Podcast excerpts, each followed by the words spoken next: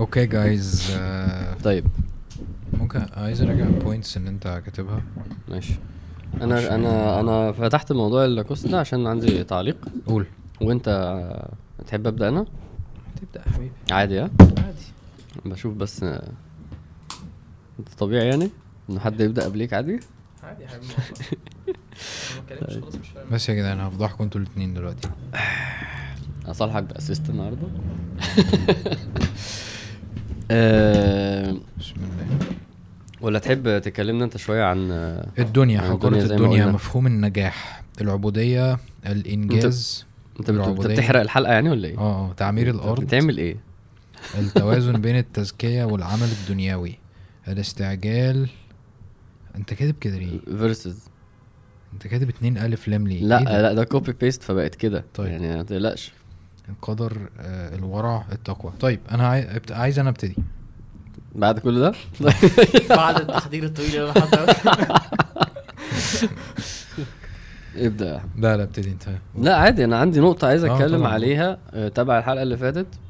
أبدأ أنا. اتفضل يا حبيبي. طيب. آه، اهم يعني أهم حاجة ما يحصلش لبس ما بين نقطتين. النقطة الأولانية إنه آه، إحنا قلنا إنه ربنا كان بيتكلم على إنه إرادة الدنيا ولا إرادة الآخرة. في نفس الوقت في أدعية كتير عن إنه يا رب ادينا ده من الدنيا وادينا ده من الدنيا. أوكي. خلاص؟ آه، آه، آه، أشهرها آه، في الدنيا حسنة وفي الآخرة حسنة. فهنا ال ال مفيش تعارض ما بين ده وده. الفكرة كلها في إنه ما تبقاش إرادة الدنيا في مقابل إرادة الاخره يعني إيه؟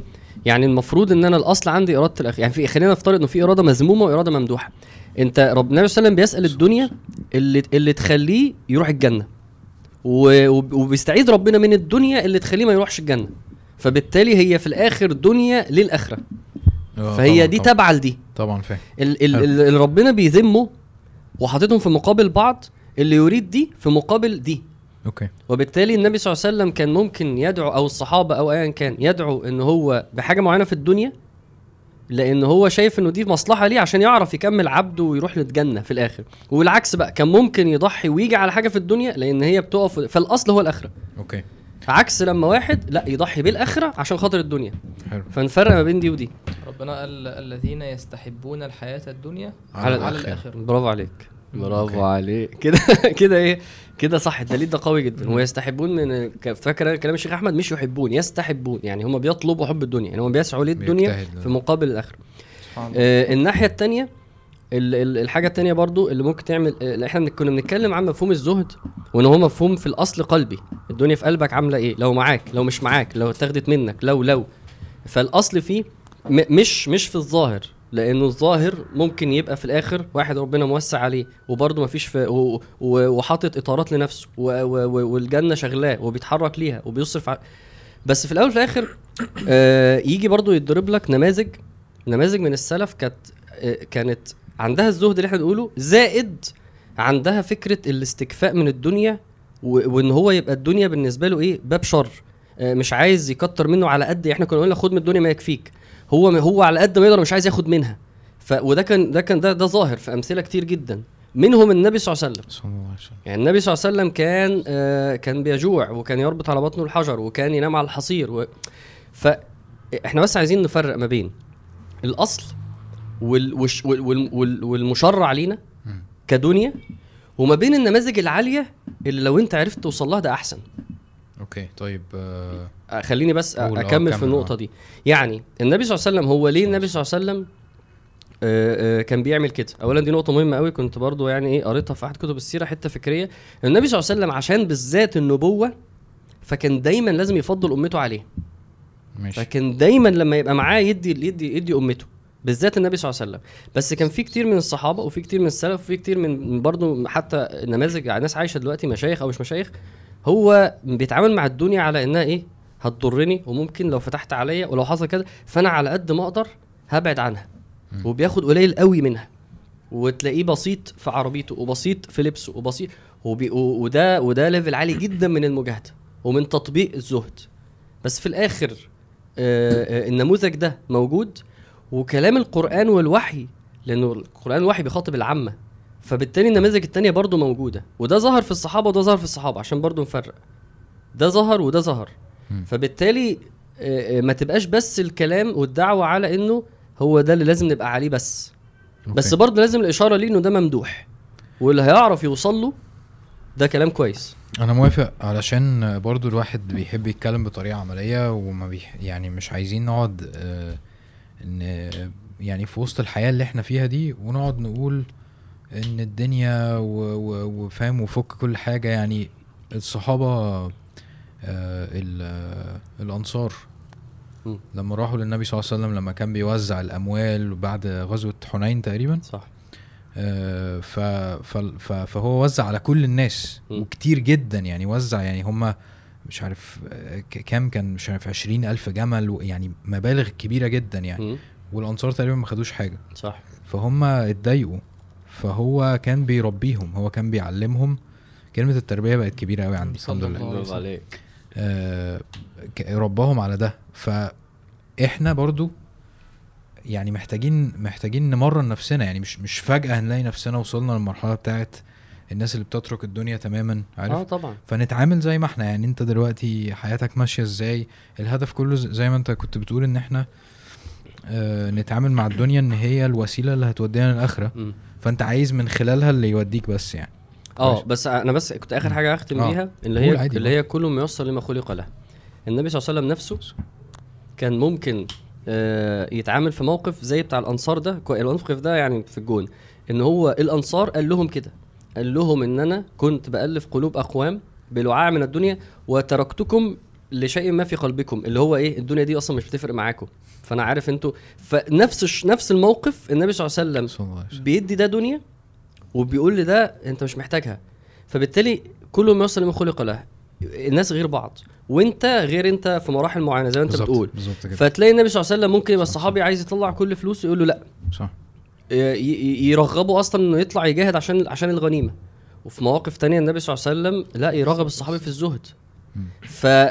فانا بس عايز أكد على إنه ال- ال- المباح إيه والمشرع إيه والأصل في العموم الخطاب إيه والنماذج العالية دي ال super stars دول برضو أنا أبص لهم إزاي. والتعامل مع وكل النفس. واحد يقيس بقى مع نفسه. بالظبط كده. حلو جدا. إزيك يا شيري؟ الحمد لله. طيب الأخبار؟ آه، ممكن آه، ممكن أكمل حاجة في كلام يا احمد ريت والله. آه، يعني اللي أنا فهمته دلوقتي من كلام عامر إن إحنا ممكن مثلا آه، في الحلقة اللي فاتت حد يقول يا جماعة أنتوا آه، أنتوا بتتكلموا عن آه، عن نماذج في نماذج كتير بتيجي في كتب السلف وفي سيرة النبي عليه الصلاة والسلام زي الحاجات اللي عامر قالها أنتوا ما اتكلمتوش عنها. وده طبيعي ان إحنا في حلقة واحدة مش هتستوعب كل الكلام يعني كلام في الدنيا في القرآن وفي السنة وفي كتب السلف كبير جدا. في ناس قالت كده يعني؟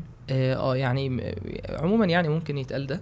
وفي حاله يعني في حد من الشباب كان كتب كتب تعليق زي ده يعني. مم. ففكرة إيه؟ فكرة إن إحنا لما بتخاطب الناس زي ما عامر بيقول خطاب القرآن خطاب السنة آه، وسنة النبي عليه الصلاة والسلام تصلح للناس كلها. يعني أنت تعرف إن أنت مم. تكلم الناس بمعاني الناس تتقبلها. والناس بتتفاوت على قدر على مستوى الفهم ومستوى الإيمان ومستوى التضحية ومستوى البذل. مش كل الصحابة كانوا في بذل سيدنا أبو بكر رضي الله عنه مش كل الصحابة بكر وعمر. فأقصد إن في ناس بتتفاوت إمكانيات الناس بتتفاوت. فلما تيجي تخاطب الناس عن مفهوم زي مفهوم الدنيا أنت محتاج إن أنت تشوف ربنا سبحانه وتعالى اتكلم إيه- كلمنا عن الدنيا إزاي؟ إيه المباح وإيه اللي إحنا نسعى ليه؟ والحتة اللي الجزئيه اللي عامر بيتكلم فيها المذموم إن أنت تفضل الدنيا على الآخرة. فلازم أبقى أنا مراعي ده وأنا بتكلم. إن أنا بخاطب عموم الناس الناس كلها وبعد كده الأمثلة النماذج العالية الناس تتسابق فيها. ده من عندي ولا من عند شريف؟ مش قادر أحدد. طب إزاي نتأكد لو فصلنا إيه؟ مش قادر أحدد. يعني هو لو, خلاص كده. لو فصلنا ده نجرب ولو فصلنا ولا إيه؟ هو إيه، هدي هو احتمال. خلاص هو هدي هي دي خلاص؟ الحمد لله. آه، ف فكنت عايز أ- يعني مثلا إحنا عايزين إيه نشوف الزهد مثلا في حياة النبي عليه الصلاة والسلام. أنا شايف إن في معنى واضح في حياة النبي عليه الصلاة والسلام وهو إن الدنيا مش فارقة مع النبي عليه الصلاة والسلام خالص. يعني الدنيا جت للنبي عليه الصلاة والسلام هو بيشكر. الدنيا مش معاه حتى ممكن الدنيا كلها النبي عليه الصلاة والسلام أعطى الرجل آه، غنما بين جبلين. فرجع الرجل إلى قومه فقال يا قوم أسلموا فإن محمدا يعطي عطاء من لا يخشى الفقر. هي- دي. يعني النبي عليه الصلاة والسلام مش خايف من الفقر. مش خايف إن هو لا يعني قصة الدنيا بالنسبة له مش كبيرة. هو مش خايف إن هو ينفق كل المال اللي عنده مش فارق معاه. فده المعنى اللي كان عليه النبي عليه الصلاة والسلام في الزهد.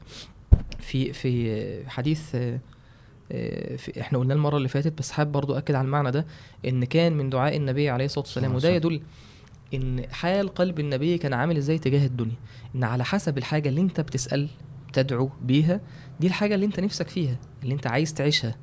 فالنبي عليه الصلاة والسلام لما بيسأل بيقول اللهم اجعل رزق آل محمد قوتا. فكانوا بيقولوا في شرح الحديث إن القوت ده يخلي الإنسان هو يكفي. فيخلي الإنسان ما يبقاش في حد الفقر. الفقر اللي يخلي الإنسان يصرف يصرف عن عن عن الدين. النبي عليه الصلاة والسلام كان بيقول اللهم إني أعوذ بك من ال ال كفر. الكفر والفقر. ممكن الفقر يخلي الإنسان من شدة الفقر وشدة الحاجة إن هو يسيب دينه يبيع دينه. فالنبي عليه الصلاة والسلام كان بيقول بيدعي إن يبقى ليا القوت قوت اليوم. يكفيني. فأكفي الحاجة بتاعتي وفي نفس الوقت ما يبقاش عندي الزيادة اللي تلهيني عن ال- اللي اعظم من ده مراد ربنا سبحانه وتعالى. فده معنى. معنى تاني كان في حديث عروة رضي الله عنه لما قال قالت عائشة رضي الله عنها لعروة ابن ابن أختها. ابن أختها. ماشي؟ فقالت ابن أختي إن إن كنا لننظر إلى الهلال ثم الهلال ثلاثة أهلة في شهرين. يعني بداية الشهر هلال وبداية الشهر الثاني هلال يبقى كده شهرين والثالث بداية الشهر الثالث هلال. فثلاث أهلة تقول وما أوقدت في أبيات رسول الله صلى الله عليه وسلم نار. يعني مفيش ما بيطبخوش حاجة. فقا فقال عروة فقلت يا خالة ما كان يعيشكم؟ طب كنتوا بتعيشوا إزاي؟ قالت الأسودان بنعيش على التمر والماء. التمر والماء إلا أنه قد كان لرسول الله صلى الله عليه وسلم جيران من الأنصار كانت لهم منائح. يعني يعطيه مثلا المعزة مثلا. يحلب منها ويستفيد من اللبن بتاعها وتبقى أصلا هي لسه ملك للشخص اللي- أهداها يعني هدية يعني. كانوا يمنحون رسول الله صلى الله عليه وسلم من ألبانهم فيسقينا فده ده كان في بيت النبي عليه الصلاة والسلام. وحديث الخندق معروف النبي عليه الصلاة والسلام كان شدة الجوع. حديث سيدنا طلحة. فده اللي إحنا عايزين نقوله ملخص الكلام ده إيه؟ إن مقامات الزهد مختلفة. ماشي؟ لو إحنا دلوقتي واحد بياكل وبيتمتع بالحلال بيكسب ماله من حلال وبينفق المال ده في الحلال وبيدخر مال ما هي الزكاة فرضت على إيه؟ الزكاة فرضت على فلوس انت ادخرتها أصلا يعني فلوس معاك قعدت سنة قعدت الحول. فلو مطلوب من الإنسان إن يز- يزهد في الدنيا يعني كل شيء عنده من المال إن هو يخرجه ما كانش هيبقى فيه أصلا فرض الزكاة. الزكاة في مال انت بتدخره. فاهمني؟ فأقصد إن المعنى واضح يكون كده. إن الزهد بيتفاوت الناس بتتفاوت في مراتب الزهد. والأصل إن الإنسان زي ما إحنا اتكلمنا شوف أنا بكسب من حلال بنفق أنفق المال ده في حلال وال- والنعمة أعرف إن هي من عند ربنا سبحانه وتعالى. والقلب عامل إزاي في حاله مع الدنيا؟ آه يعني مساحة الدنيا في قلبي عاملة. إزاي. آه حلو قوي أنا ال- البعد بتاع ت- تمرين تمرين النفس أنا أنا بحبه جدا.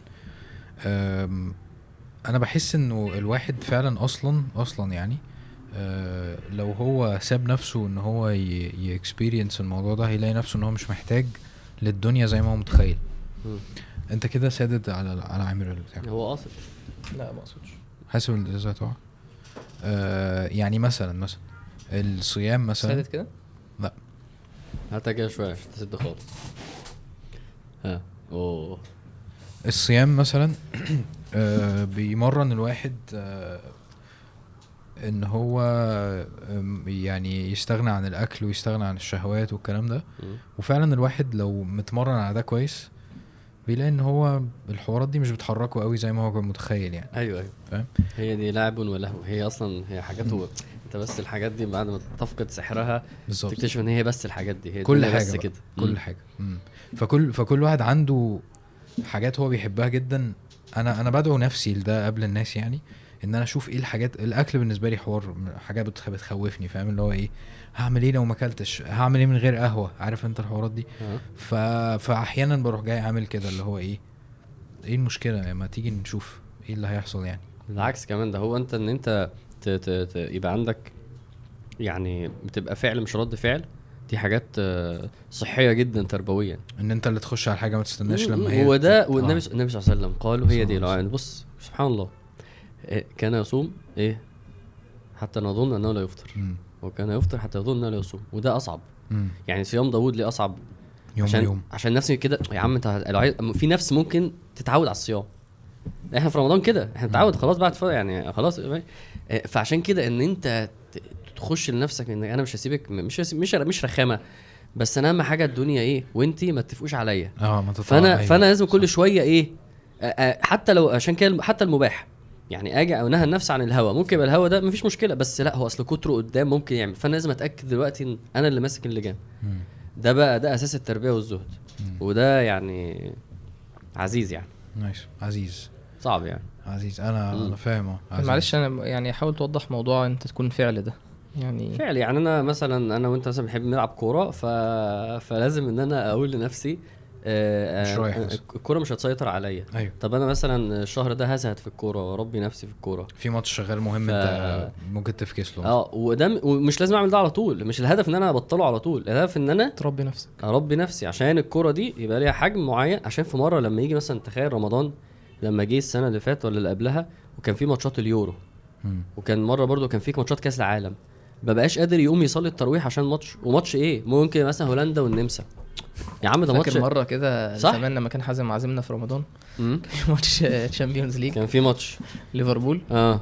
في ناس آه، فاكر اليوم ده؟ عمرو لو بت منتج شيل الحتة دي. لا بهزر. فبالتالي ده بقى ده انت مش عايز توصل لل level ده. إزاي ما توصلوش؟ انت كنت موجود أنا كنت من... أنا كنت موجود بس مش فاكر اللقطة اللي أنتوا عايزين تقولوها. كان كل الشباب قاعدين يتفرجوا أصلا. أيوه. يعني أيوه. كان إيه ده؟ هو هو- ليفربول؟ آه. هو ده كان نهائي. صح، كان نهائي، آه. تشامبيونز كان نهائي. كان نهايه بص الماتش ده 100% الناس قاعدة تتفرج. ليفربول ومدريد. آه. لما صلاح أيوة. صافي. لما صلاح خ... صاب لا، أنتوا فاكرين كل حاجة. أنا أصلا أنا ذاكرتي عندي مشكلة في الموضوع ده. يعني ممكن افتكرت ال آه ليه؟ دلوقتي ده ماتش نهائي أوروبا. فأنا يعني وعندي وعندك مساحة على فكرة في الشرع. هو مش الفكرة إنه حرام ولا حلال. الفكرة أيوة. أنت بجد أنت إيه اللي في قلبك؟ صح. فأنا هقعد أتفرج لأني هصلي بعدها. ما هو الليل طويل. إنما أنت هي مش فكرة كده. هي فكرة أنت الدنيا تملكت مني. فأنا مش أيوة، قادر أقوم. بالظبط. فأنت محتاج طب ده اشتغل عليه؟ يوميها مش هتعرف. مم. إنما ومش الهدف إن أنت ما تتفرجش على كورة طول حياتك. الهدف إن أنت لما تتحط في الموقف ده تتصرف صح آه، غير إن اللي أنت إحنا ما لا عادي إحنا ممكن يبقى ان انت ما تتفرجش على كوره طول حياتك ده هدف يعني مفيش مشكلة. ما هو إحنا قلنا مقامات بقى صح؟ مقامات. انت ماشي انت قلت مقامات إحنا مش مختلفين.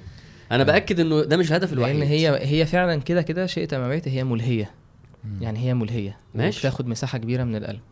و... و... وانت بتجرب ده يعني انت ها؟ شوف شوف بتكلم بجد شوف مثلا ماتش ماتش إحنا دلوقتي بنصور اهو السبت وماتش منتخب بكرة. أيوه. ماتش مصر بكرة الساعة 5 مم. ماشي.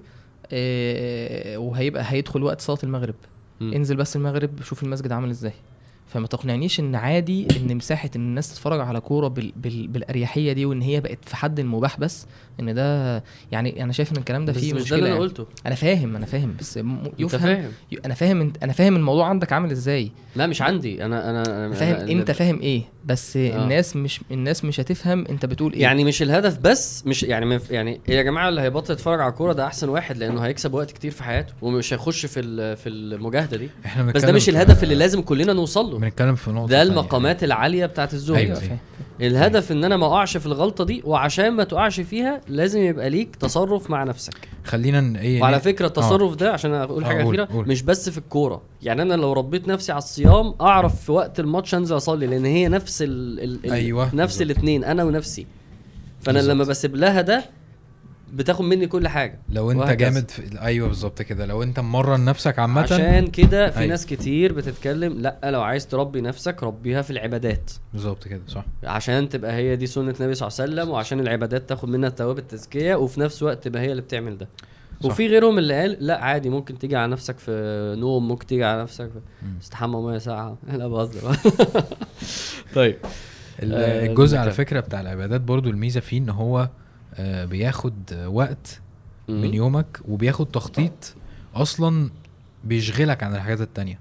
عارف فأنت غصب عنك بتلاقي نفسك لو هتصلي خمس مرات في اليوم هو ما يعني مفيش مجال لحوارات تانية كتير.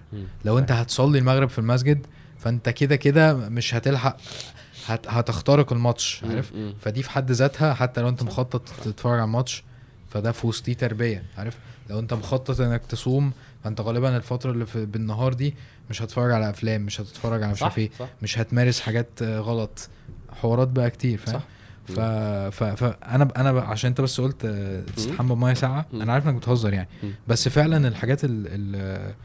ال- المشرعة يعني العبادات تكفي جدا آه آه صح فعلا صح. مم. لا وهو أصلا في المعنى اللي, اللي عامر بيقوله ده ده أصلا شرعا مش ده المقصد. يعني النبي عليه الصلاة والسلام لما جه واحد وأقسم نذر إن هو لا يستظل ولا يأكل و- ولا يتزوج. فالنبي عليه الصلاة والسلام إيه، قال إن الله غني عن تعذيب هذا لنفسه. مم. يعني مش المقصد من العبادة إن أنت تعذب نفسك والمشقة مرا- مرادة لذاتها. لأ مش ده المقصد أصلا. المقصد إن أنت تتزكى. اللي هي إيه، تزكية النفس إن أنت تتطهر إن أنت تعرف نفسك دي تبقى معبدة مذلله لاستقبال أوامر ربنا سبحانه وتعالى ده ده المعنى وكل ما كنت مبسوط كل ما ده كان هيبقى أسهل طبعا طبعا.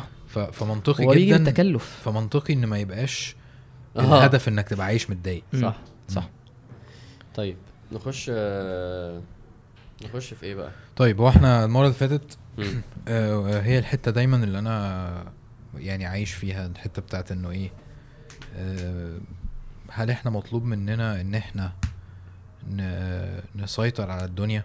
هل إحنا مطلوب مننا كمسلمين إن إحنا نبقى نقود الدنيا؟ فاهم؟ هل أنا على المستوى الشخصي لازم أبقى أدور على حاجة أتميز فيها في الدنيا وأبقى جامد جدا فيها وأبقى أنافس فيها؟ وأبقى أجمد يوتيوبر وأبقى أجمد لاعب كورة وأبقى أجمد مش عارف إيه فاهم؟ حاجات دنيوية بحتة يعني فاهم؟ والبعد بقى بتاع اللي هو إيه طب أنت هدفك إيه من الكورة؟ فاهم؟ أبو تريكة بقى وانت بتعمل ده عشان كذا ولا؟ يعني حاجات كتير بتشغلني الصراحة و... وأنا متأكد إن هي بتشغل الناس عامة. إيه أبو تريكة؟ لا يعني يعني إن أنت بتدخلنا في حوارات صعبة صح؟ حوارات صعبة. أوكي. بس؟ إن شاء الله هن هنحاول إن إحنا نفك حلو إن الموضوع شاء. الله، إن حلو. شاء الله حلو بإذن أوكي. الله. الابعاد ده أنا لسه أنا هسألك يعني. ال- في فيها بعد حلو مثلا إنه الناس بتبقى موتيفيتد إن هي تحقق حاجات في الدنيا. فيها بعد بقى آه، سلبي شوية. بتحسه بقى بتحسه في الناس اللي بتيجي تقعد دايما تتكلم معاك. فاهم قصدي؟ فاهم سؤالي؟ إن هما ما فيش أصل أنا بحسه في الناس اللي بتتكلم معاك. اللي بتتكلم مع سالم اللي هي الناس اللي فاكرة إن الناس دي هم المرجع في ده. أيوه. فمش أنا يعني هو عارف إنه إيه أنا بعمل دروس ماشي؟ فما بيجيش يكلمني. بس بشوفهم بقى هم إيه آه، أنا عايز أعمل كذا وأنا بدأت كذا. وتحس إن هو متكهرب يعني هو بيكلمك وهو طبعا. متوتر جدا. طبعا طبعا. هي دي دي حاجة طبعا آه، يعني ال- الفكرة إن إحنا عايشين في عالم هو مش بتاعنا.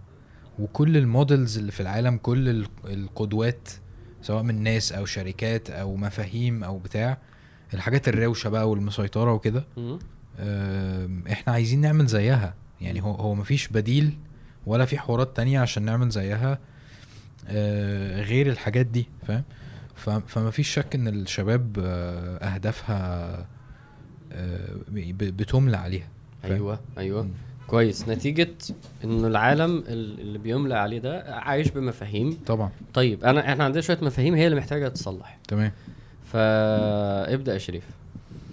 طيب آه، أنا بس عايز يعني أكد على معنى مهم. إن يعني حازم دلوقتي اللي أنا فاهمه من كلامك سؤالك يعني إن إحنا عايزين نعرف إحنا هنا في الدنيا وظيفتنا إيه يعني. إزاي نتعامل مع الدنيا مظبوط. وإيه مفهوم النجاح في الدنيا دي. مم. يعني إمتى نقول إن حازم هو جامد؟ حقق المطلوب منه في الدنيا. صح. كويس؟ و آه، في في المعنى ده بقى إحنا في الدايرة دي إحنا بقى إيه هنلف بقى. وندور حواليها يعني. كويس؟ فإيه إحنا مطلوب مننا إيه في الدنيا؟ مطلوب مننا مش إن إحنا بس نعمر الدنيا. يعني تعمير ال- الدنيا وتعمير الأرض لو هو بس يعني لو إيه تخيل كده إن إحنا هنا بقينا مثلا في في البلد اللي إحنا فيها أو في أي مكان إحنا خلاص ك ك كبشر عاديين مش مسلمين ولا حاجة. عملنا عملنا كل التقدم الدنيوي والتحضر اللي موجود. يعني بقى عندنا تقدم في كل المجالات في القوة في التكنولوجيا في كل حاجة. وفي الآخر إحنا ما حققناش الغرض اللي إحنا اتخلقنا عشانه. فهل ده يعتبر نجاح؟ لا. على معايير على معايير ناس كتير في الدنيا صح. هو يعتبر إن هو نجح. صح. هو هو دلوقتي شايف مثلا إن البلد الفلانية دي حققت نهضة وتطور وعلى مستوى ال- الاقتصادي وعلى مستوى القوة وكل حاجة عسكريا وتكنولوجيا كل حاجة وعلميا. فهو شايف إن هو نجح. فبالتالي لما يبقى مفهوم النجاح أصلا مهزوز عند المسلم هو هيعظم حاجات هي أصلا م- مش محتاجة تاخد الحجم ده كله. فاهم أنا بتكلم في إيه؟ طبعا. فهنا الفكرة يعني هل في في الأمم السابقة ناس وصلت لأعلى الدرجات في التقدم الدنيوي في وقتها؟ ومع ذلك كانت الأمم دي مذمومة بل نزل عليها عذاب من ربنا سبحانه وتعالى؟ فراعنه ه- ه- عن الفراعنة فرعون عاد. وثمود. أنت عارف الكوميدي إيه؟ إنه دايما الصورة اللي بتجيلك على الناس دي انهم مع الناس عايشة في الصحراء كده وخلاص. يعني الصورة الذهنية اللي بتيجي للقبائل دي والأقوام دي إنهم ناس آه، بدو وناس آه، في حين إن كلام القرآن عنهم آه، ربنا سبحانه وتعالى بيقول أولم يسيروا في الأرض فينظروا كيف كان عاقبة الذين من ق... كانوا من قبلهم من قبلهم كانوا أشد منهم قوة وأثاروا الأرض وعمروها أكثر مما عمروها وجاءتهم رسلهم بالبينات فما كان الله ليظلمهم ولكن مم. كانوا أنفسهم يظلمون. وربنا سبحانه وتعالى لما ذكر قصة آه، ثمود.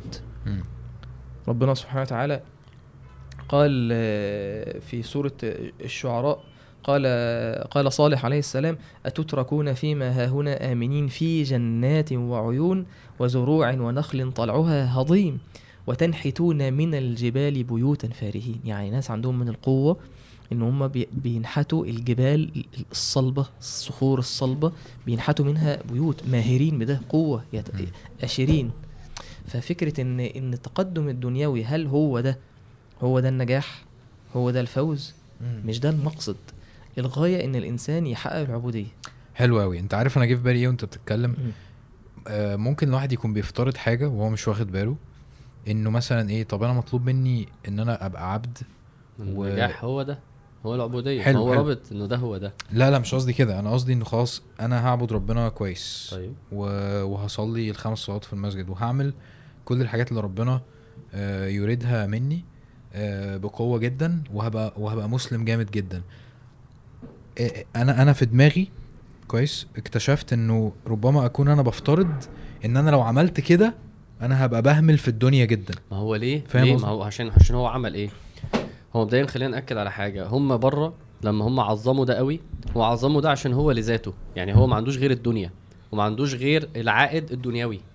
فهو كل الح... كل اللي هياخده في الدنيا وكل اللي هي- هيحققه في الدنيا وكل اللي هي... هي... هيشوفه في الدنيا ما بيعملش ده عشان الآخرة. فعشان كده هو مركز فيه جدا. إحنا بقى جينا عملنا إيه؟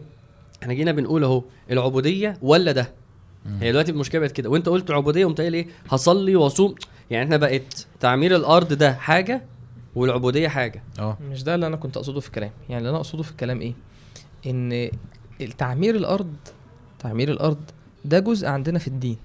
يعني ماشي. يعني ده مكان إن ربنا سبحانه وتعالى زي ما أنت قلت حديث المرة اللي فاتت إذا قامت الساعة وفي يد أحدكم فسيلة فإذا استطاع أن يغرسها فليغرسها مم. ماشي فأنت مطلوب إن أنت تفعل الخير وإن أنت تعمر في الأرض وإن أنت تبني وإن أنت تشتغل وتتكسب من حلال وده إن شاء الله هنتكلم عنه مم. لكن هل هدفي كمسلم إن أنا أحقق ده يعني ده هدفي لو أنا حققت إعمار الأرض وعمرت الأرض وما حققتش العبودية بقيت العبودية بقى اللي هي الحاجات الكبيرة اللي في الإسلام. اللي هو أمر ربنا سبحانه وتعالى. هل يبقى أنا كده نجحت؟ لا, لا. فده جزء مش فكرة إن أنا أصدر إن ده أعظم حاجة وإن ده الهدف من الحياة وإن الهدف إن أنا أخلي الإنسانية أحسن فكرة إن ده أصدر إن ده هدفنا بس في الحياة ده غلط. أنا كده. أنا غايب عن الهدف الأعظم. ده موجود. عارف زي مثلا إيه؟ إن أنا أقول إن أعظم حاجة في الإسلام هو إماطة الأذى عن الطريق. و- ويبقى هو ده الأساس وده اللي بنقيم عليه الناس. يعني لو لو انت ما- عملتش اماطه الأذى ما شيلتش الأذى من الطريق يبقى انت كده خلاص انت كده ما نجحتش. ما هو اماطه الأذى عن الطريق دي قيمة موجودة عندنا في الشرع موجودة عندنا في الدين. لكن هل دي قد مثلا التوحيد؟ قد لا إله إلا الله محمد رسول الله؟ لا. يعني في قيم كبيرة وفي حاجات تانية موجودة من شعب الإيمان ومن الأخلاق ومن المعاملات هي مكملة للقيمة الكبرى دي. فالهدف الأكبر إيه؟ الهدف إن أنت تحقق العبودية. طيب معنى كده العبودية؟ هل ده بالضرورة بيتعارض مع إن أنا أبني وإن أنا أعمر وإن أنا أكون في في حياة كويسة؟ آه. يعني في في دماغنا لو في دماغنا أنت بيتعارض. لو أنت بتبتغي آه، آه، مجد شخصي. أيوه. طب ما ده هيدخلنا في موضوع الإنجاز. مم. إحنا دخلناه ندخل بص ماشي، ندخل دخل. كده وبعد كده وبعد كده نطلع. ماشي. ال ال الفكرة في إيه؟ آه، النبي صلى الله عليه وسلم لما راح المدينة. طب الناس كده مجمعين إحنا لا، وإحنا واقفين فين ولا؟ لا لا لا ما إحنا. ما إحنا هنلا ه- ه- ه- ه- ه- ه- يعني ادوني. ادوني دقيقتين في الآخر قشطة، قشطة. عشان أنا عارف إن إحنا بس. بس أنا حاسس إنه كده أحلى. عارف الطبخ؟ ماشي. إيه يا ماما اللي بتعمليه ده عارف أنت؟ في الآخر هتطلع. إن شاء الله حاجة مكرونه حلوة كده. إن شاء الله. جامد قوي الفيديو ده والله. اني واي شفتوش. بتاع الطبخه ده؟ طب أنا حد يحطه يا جماعة في الكومنتات. الناس طيب المهم والله فيديو جامد قوي طيب. طب قول يا سيدي. صلى على النبي. صلى الله عليه وسلم. النبي صلى الله عليه وسلم لما راح المدينة آه، كان في سوق لليهود. عمل إيه؟ ال- المسجد والمؤاخاه والسوق دول أول ثلاث حاجات. بنى المسجد وعمل المؤاخاه بين المهاجرين والانصار وعمل سوق عشان يبقى ال- ال- العمل الدنيوي وتعمير الأرض موافق للعبودية. كويس فين بقى النقطة؟ إحنا عندنا مشكلة ما بين العبودية وتحقيق تحقيق الذات والإنجاز. هو تاني هو بره هو كل هدفه ما فيش أصلا هدف من العبودية هو هدف تحقيق الإنجاز بس بدون أي ضوابط.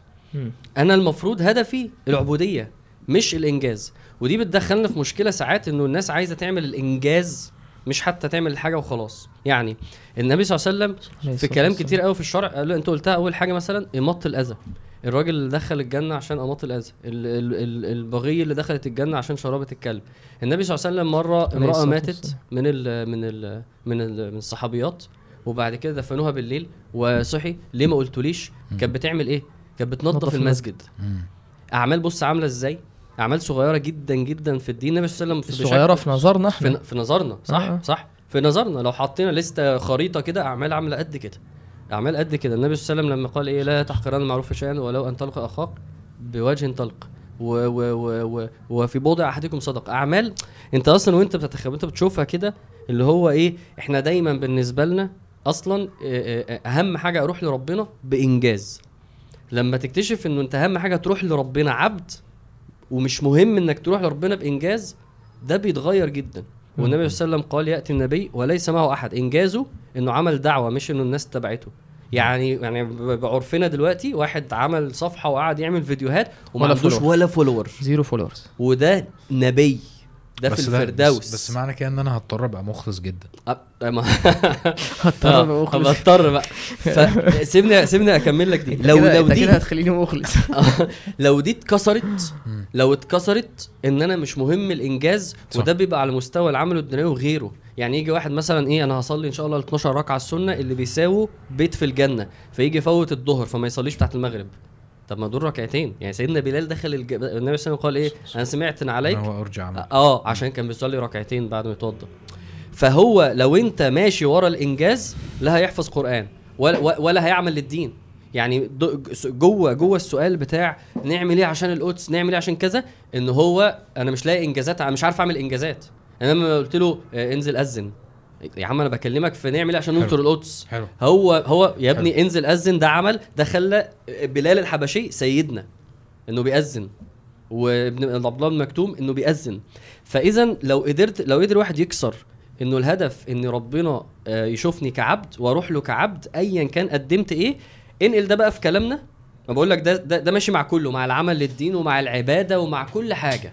لما تاخد ده في نطاق العمل الدنيوي ربنا بقى يقول إيه؟ العبودية إيه مثلا؟ في الإخراج مثلا في السينما. والله يا ابني دي الضوابط ده اللي ده اللي ربنا يريده وده اللي مثلا ربنا يرضى عنه وكذا. تكتشف طب ما أنا لو عملت ده أنا هعمل فيلم آه، دقيقة كل سنتين مثلا. حلو. مفيش م... هو ده اللي ربنا يريده. حلو قوي فهمت الربط اللي قصدي عليه فهمت هم هناك ما عندهمش ضوابط. في بارادايم شيفت جاية ولا إيه؟ مش كده؟ ما أعرفش. شكلها كده. فهم هناك ما عندهمش ضوابط فلازم النهارده إيه اللي المفروض يمشي في دي يحقق ليه؟ يعني نظرتك يعني. تشفيته يا يعني ابني اللي هو أنا كنت. فاكر كذا. والحياة بقت كذا فاهم؟ اللي هو إيه الإنجاز انزل يا ابني أذن. أيوة. يعني إيه ده؟ أنا كنت فاكر لا لا أنت باصص أصلا في فاهم؟ العبودية هي الإنجاز. العبودية هي الإنجاز. تيشيرت. العبودية هي الإنجاز. لما ده لما ده بيتكسر هو ده بقى اللي هتلاقي بقى الناس لما تيجي تسألك في ال session مفيش بقى عارف بيتوتروا جدا. وهو كل هدفه أنا عايز أقابلك وعايز أقعد معاك. هو نفسه في حاجة كبيرة يتعمل ومش عارف يبدأ يا عم أنت مش لازم أصلا تعمل حاجة كبيرة. أنت لازم تعبد. فده يخليك بقى لما تيجي بقى للعمل الدنيوي وإن أنا عا... إنه الهدف اللي أنت قلته ده صح إن إحنا نحاول نتفوق نعبد ربنا في في في حاجة في حاجات كتير. منها حاجة اسمها تعمير الأرض. اولا ده اللي الشريف كان بيقوله إن هي نعبد ربنا في حاجات كتير منها مثلا بر الوالدين ومنها تعمير الأرض. مم. لما تعمر الأرض تعمرها على أساس إنك عبد. فلو أنت بقى بنيت العمارة وطلعت ثلاث أدوار هو ده هو ده هو ده دي العبودية. ده ده ده في حد ذاته الإنجاز. لو كل ما هنبص للعمارات بتاعتهم اللي هي بتدخل النار اللي هي بتاعت عاد وثمود وفرعون ونحس أنا لازم أعمل ده ولو ما عمل... لا أنا مش لازم أكسبه في الدنيا أنا لازم أكسبه في العبودية. تيشيرت فلازم اكسبه في العبودية الكلام ده بيخلي الواحد بقى إيه مفيش ضغوطات عليه فاهم أيوة. أهم حاجة إيه زي ما أنت قلت إيه الإخلاص مم. فعلا هيبقى يا رب ده يبقى لله ويبقى كده على مراد الشرع إنما آه، اتقوا النار ولو إيه ولو بشق تمره. تلاقي الكلام ده في ال- في الشرع مبثوث بشكل بس فظيع هل هل معنى الكلام يعني ممكن يفهم إن معنى الكلام إن أنت مطلوب إن أنت تسيب ل... ل... لأعداء الدين الدنيا وما تحصلش أسبابها؟ لا. يعني ممكن يفهم كده؟ بص يفهم منها إيه؟ يقول أنت كده؟ بص أنا أنا دلوقتي فعلا الض- الضغط الضغط اتشال شوية. وبقيت حاسس إن أنت بتنافس غلط. يعني الم- المنافسة أصلا المفروض ما تنافسش في نفس الحتة دي. مم. كويس؟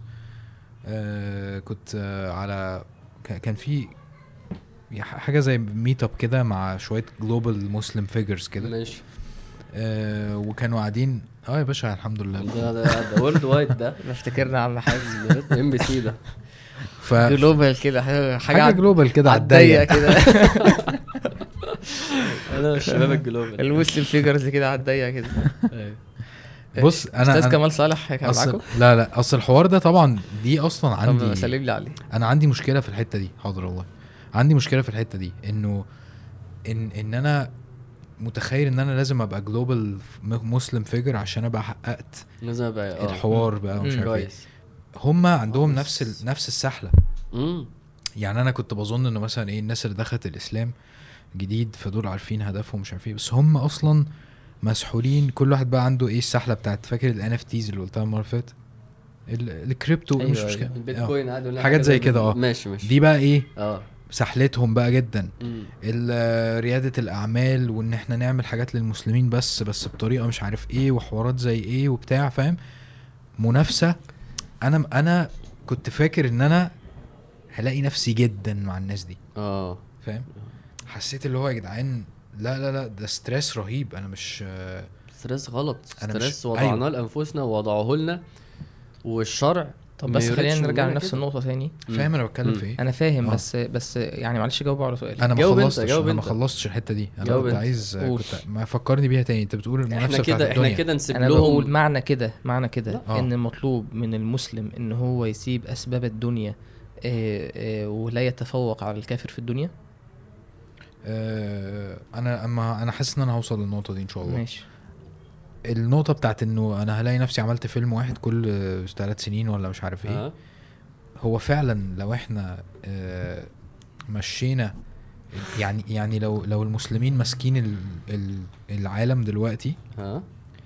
بنفس يعني في نفس الظروف اللي إحنا فيها كويس؟ آه وب- وبنفس المعطيات التكنولوجية ومش عارف إيه وبتاع العالم إحنا أنا بتكلم على عالم مثالي. أه أه. الحياة مش هيبقى شكلها كده خالص. آه. تبقى أحسن. يعني مفيش. حاجة مش مش هيبقى فيه سينما تقريبا يعني عارف اللي هو إيه؟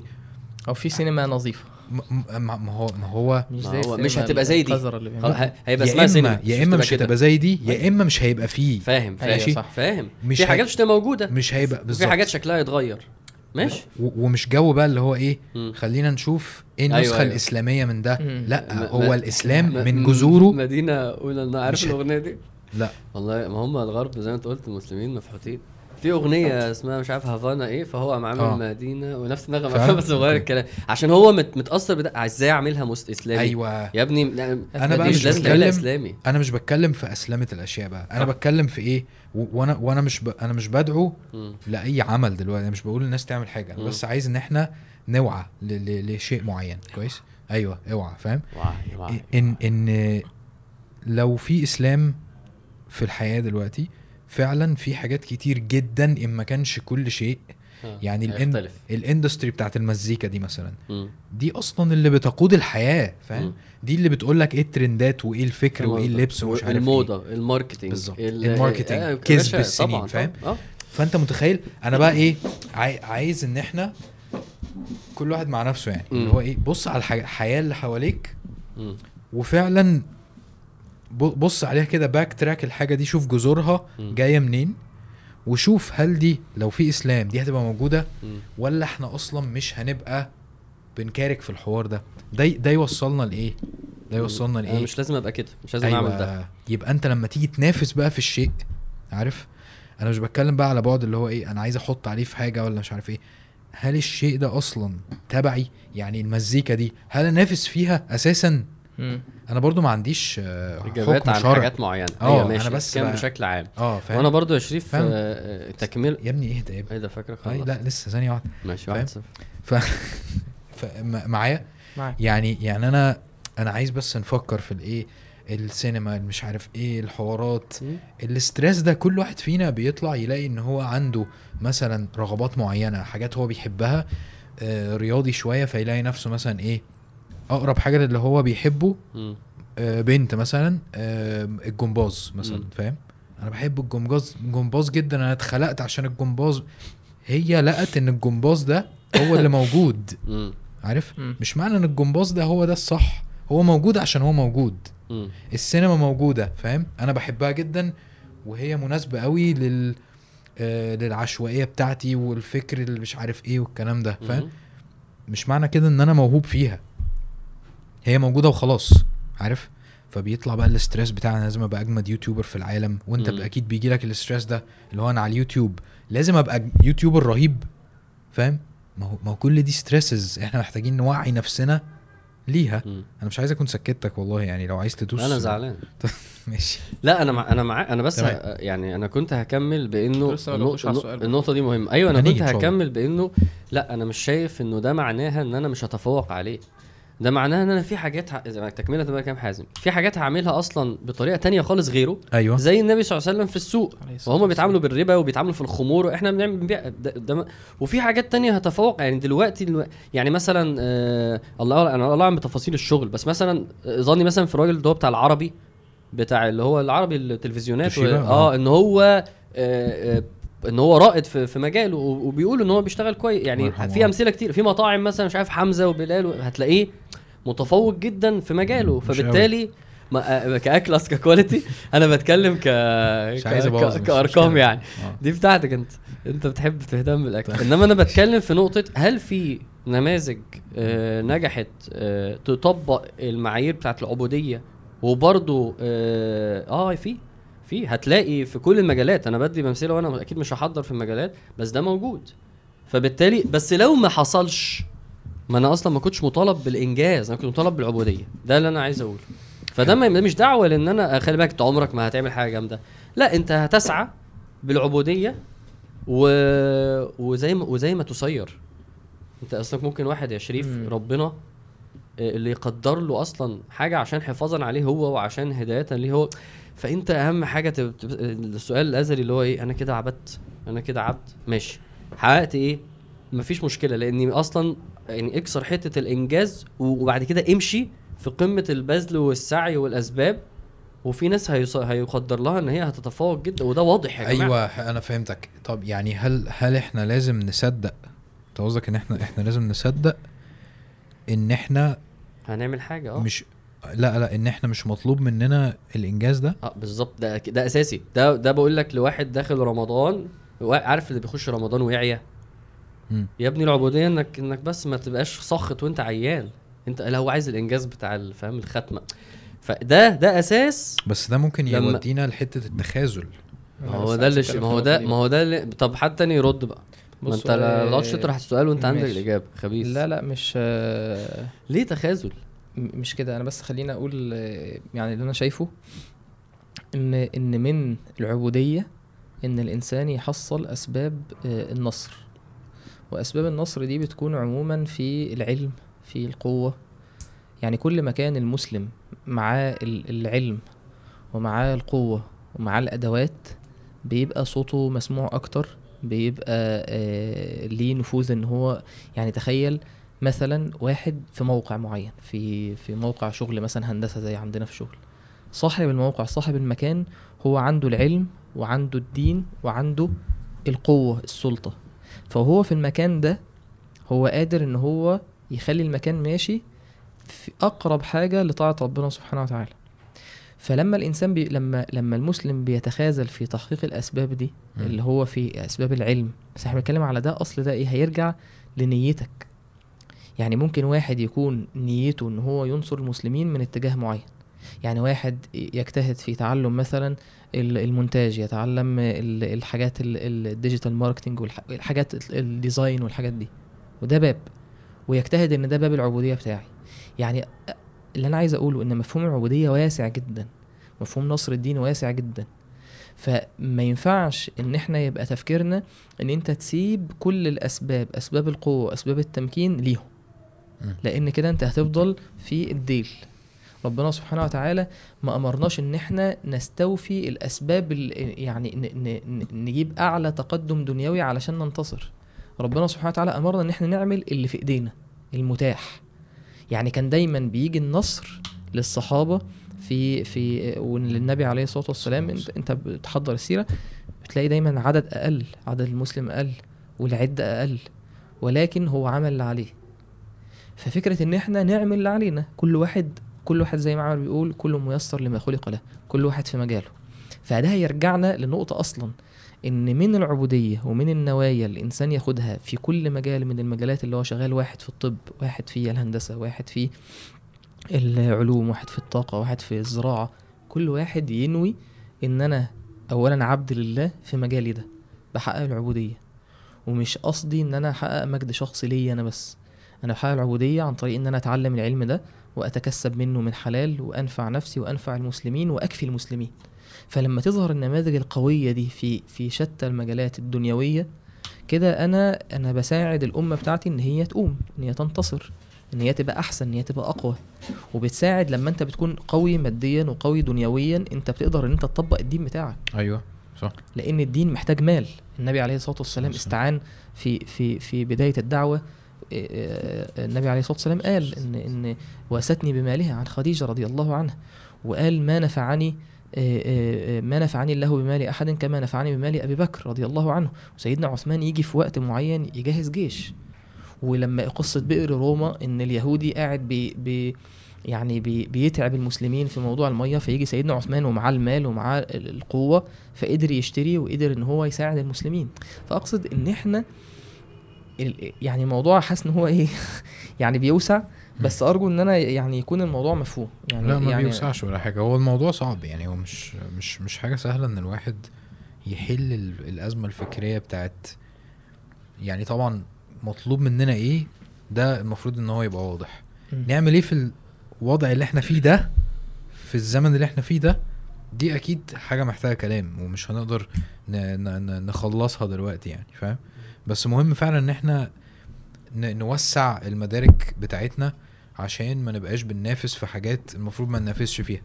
وما نبقاش بنوتر نفسنا وما نبقاش بنبذل مجهود هو مش هيتحسب عارف؟ هو مش مش هو ده المطلوب أساسا يعني. عارف؟ طب أنا عايز ألخص إحنا قلنا ثلاث حاجات. امم ألخص؟ قول. لخص يا باشا. إحنا إحنا يعني ثلاث حاجات رئيسيين الناس تفكر فيهم. إحنا قلنا أول حاجة إن أنت لازم تدرك أنت هنا ليه إيه هي العبودية. عشان تفهم إن في العبودية حاجات زي الصلاة وفي العبودية حاجات زي بر الوالدين وفي العبودية حاجة زي حاجة حاجة زي السعي على طلب الرزق وفي العبودية أصل ونصرة الدين. واللي هيحقق العبودية ده ده النجاح. عشان كده القرآن قد أفلح المؤمنون مرة هتلاقي في الذين فيهم صل... صل... الذين هم في صلاتهم خاشعون. هيجيب لك مثال للحاجه في العبودية ويقول لك اللي هيحقق العبودية هو ده النجاح. فهتلاقي مثلا تحقيق الإيمان في أول من سورة زحزح البقرة. عن النار وأدخل الجنة فقد فاز. آه إيه النجاح إنك تحقق العبودية. مم. النجاح إنك إنك إنك تخش الجنة وما تخش النار. ده أصل النجاح. بيجي كويس. إزاي؟ بالنجاح في العبودية. العبودية هي مش صورة واحدة هي صور كتير.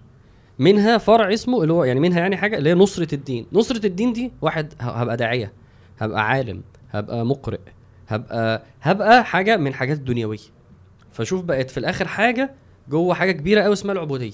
كويس قوي والهدف يبقى كده إحنا قلنا إيه هو النجاح؟ ده مفهوم مهم قوي إيه هي العبودية؟ وإزاي انه تعمير الأرض حتة فيها. خلاص؟ في منها مطلوب مني المينيمم اللي هو طلب الرزق وأعمل دوري. في منها هو ده هيبقى بابي لنصرة الدين. وده هيبقى تخصصي وده هيبقى مجالي وده هيبقى قوتي. اللي شريف قاله العلم والقوة.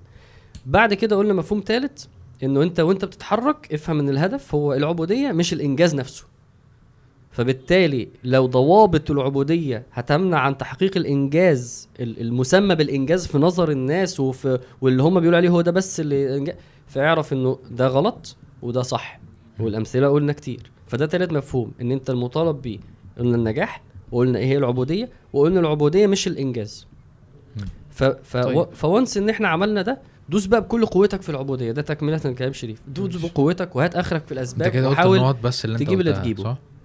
بمعنى إيه اللي أنا قلتها أنا. حاولت ألخص اللي إحنا قلناه لا ده كده. كويس ده كده كويس كده حلو، أنا ها؟ بس آه، إحنا يعني في ثلاث نقط مهمة أنا شايف ماشي. إن هي دي ال- ال- اللي باقي لنا الوقفات المهمة يعني أنت خلاص بما إن إحنا اتكلمنا عن أصل فكرة العبودية في موضوع الدنيا ده مم. خلينا برضو آه، وإحنا ماشيين هيبقى فيه زي إيه زي حاجات هتنور لنا كده أول حاجة هو مفهوم كان واضح جدا وإحنا ما ركزناش عليه في الحلقة اللي فاتت وال- آه. واللي أنت كنت عايز تبدأ بيه حلقة النهارده هي آه. فكرة حقارة الدنيا أصلا تمام.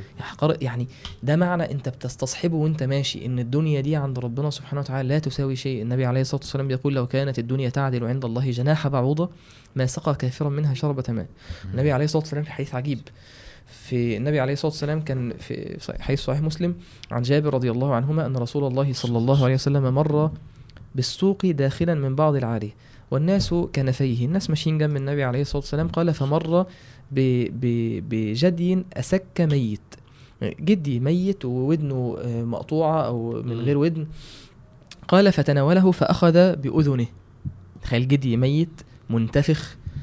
فالنبي عليه الصلاة والسلام قال أيكم يحب أن هذا له بدرهم؟ يقول للصحابه مين يحب يشتري ال- ال- الجدي الأسك اللي ميت ده ومنتفخ وم- ومنتن إن هو يكون آه، يشتريه بدرهم؟ مم. فقالوا ما نحب أنه لنا بشيء وما نصنع به. قالوا فقال صلى الله عليه وسلم أتحبون أنه لكم؟ قالوا والله لو كان حيا كان عيبا فيه لأنه أسك. فكيف وهو ميت؟ يعني هو عايش وهو أسك إحنا نزهت فيه. فكيف وهو ميت؟ فقال صلى الله عليه وسلم فوالله للدنيا أهون على الله من هذا عليكم. يعني الدنيا عند شوف تعليم النبي عليه الصلاة والسلام. واو. إن الدنيا أهون عند الله سبحانه وتعالى من هوان الجدي الأسك ده عليكم. في حديث ثاني في نفس المعنى.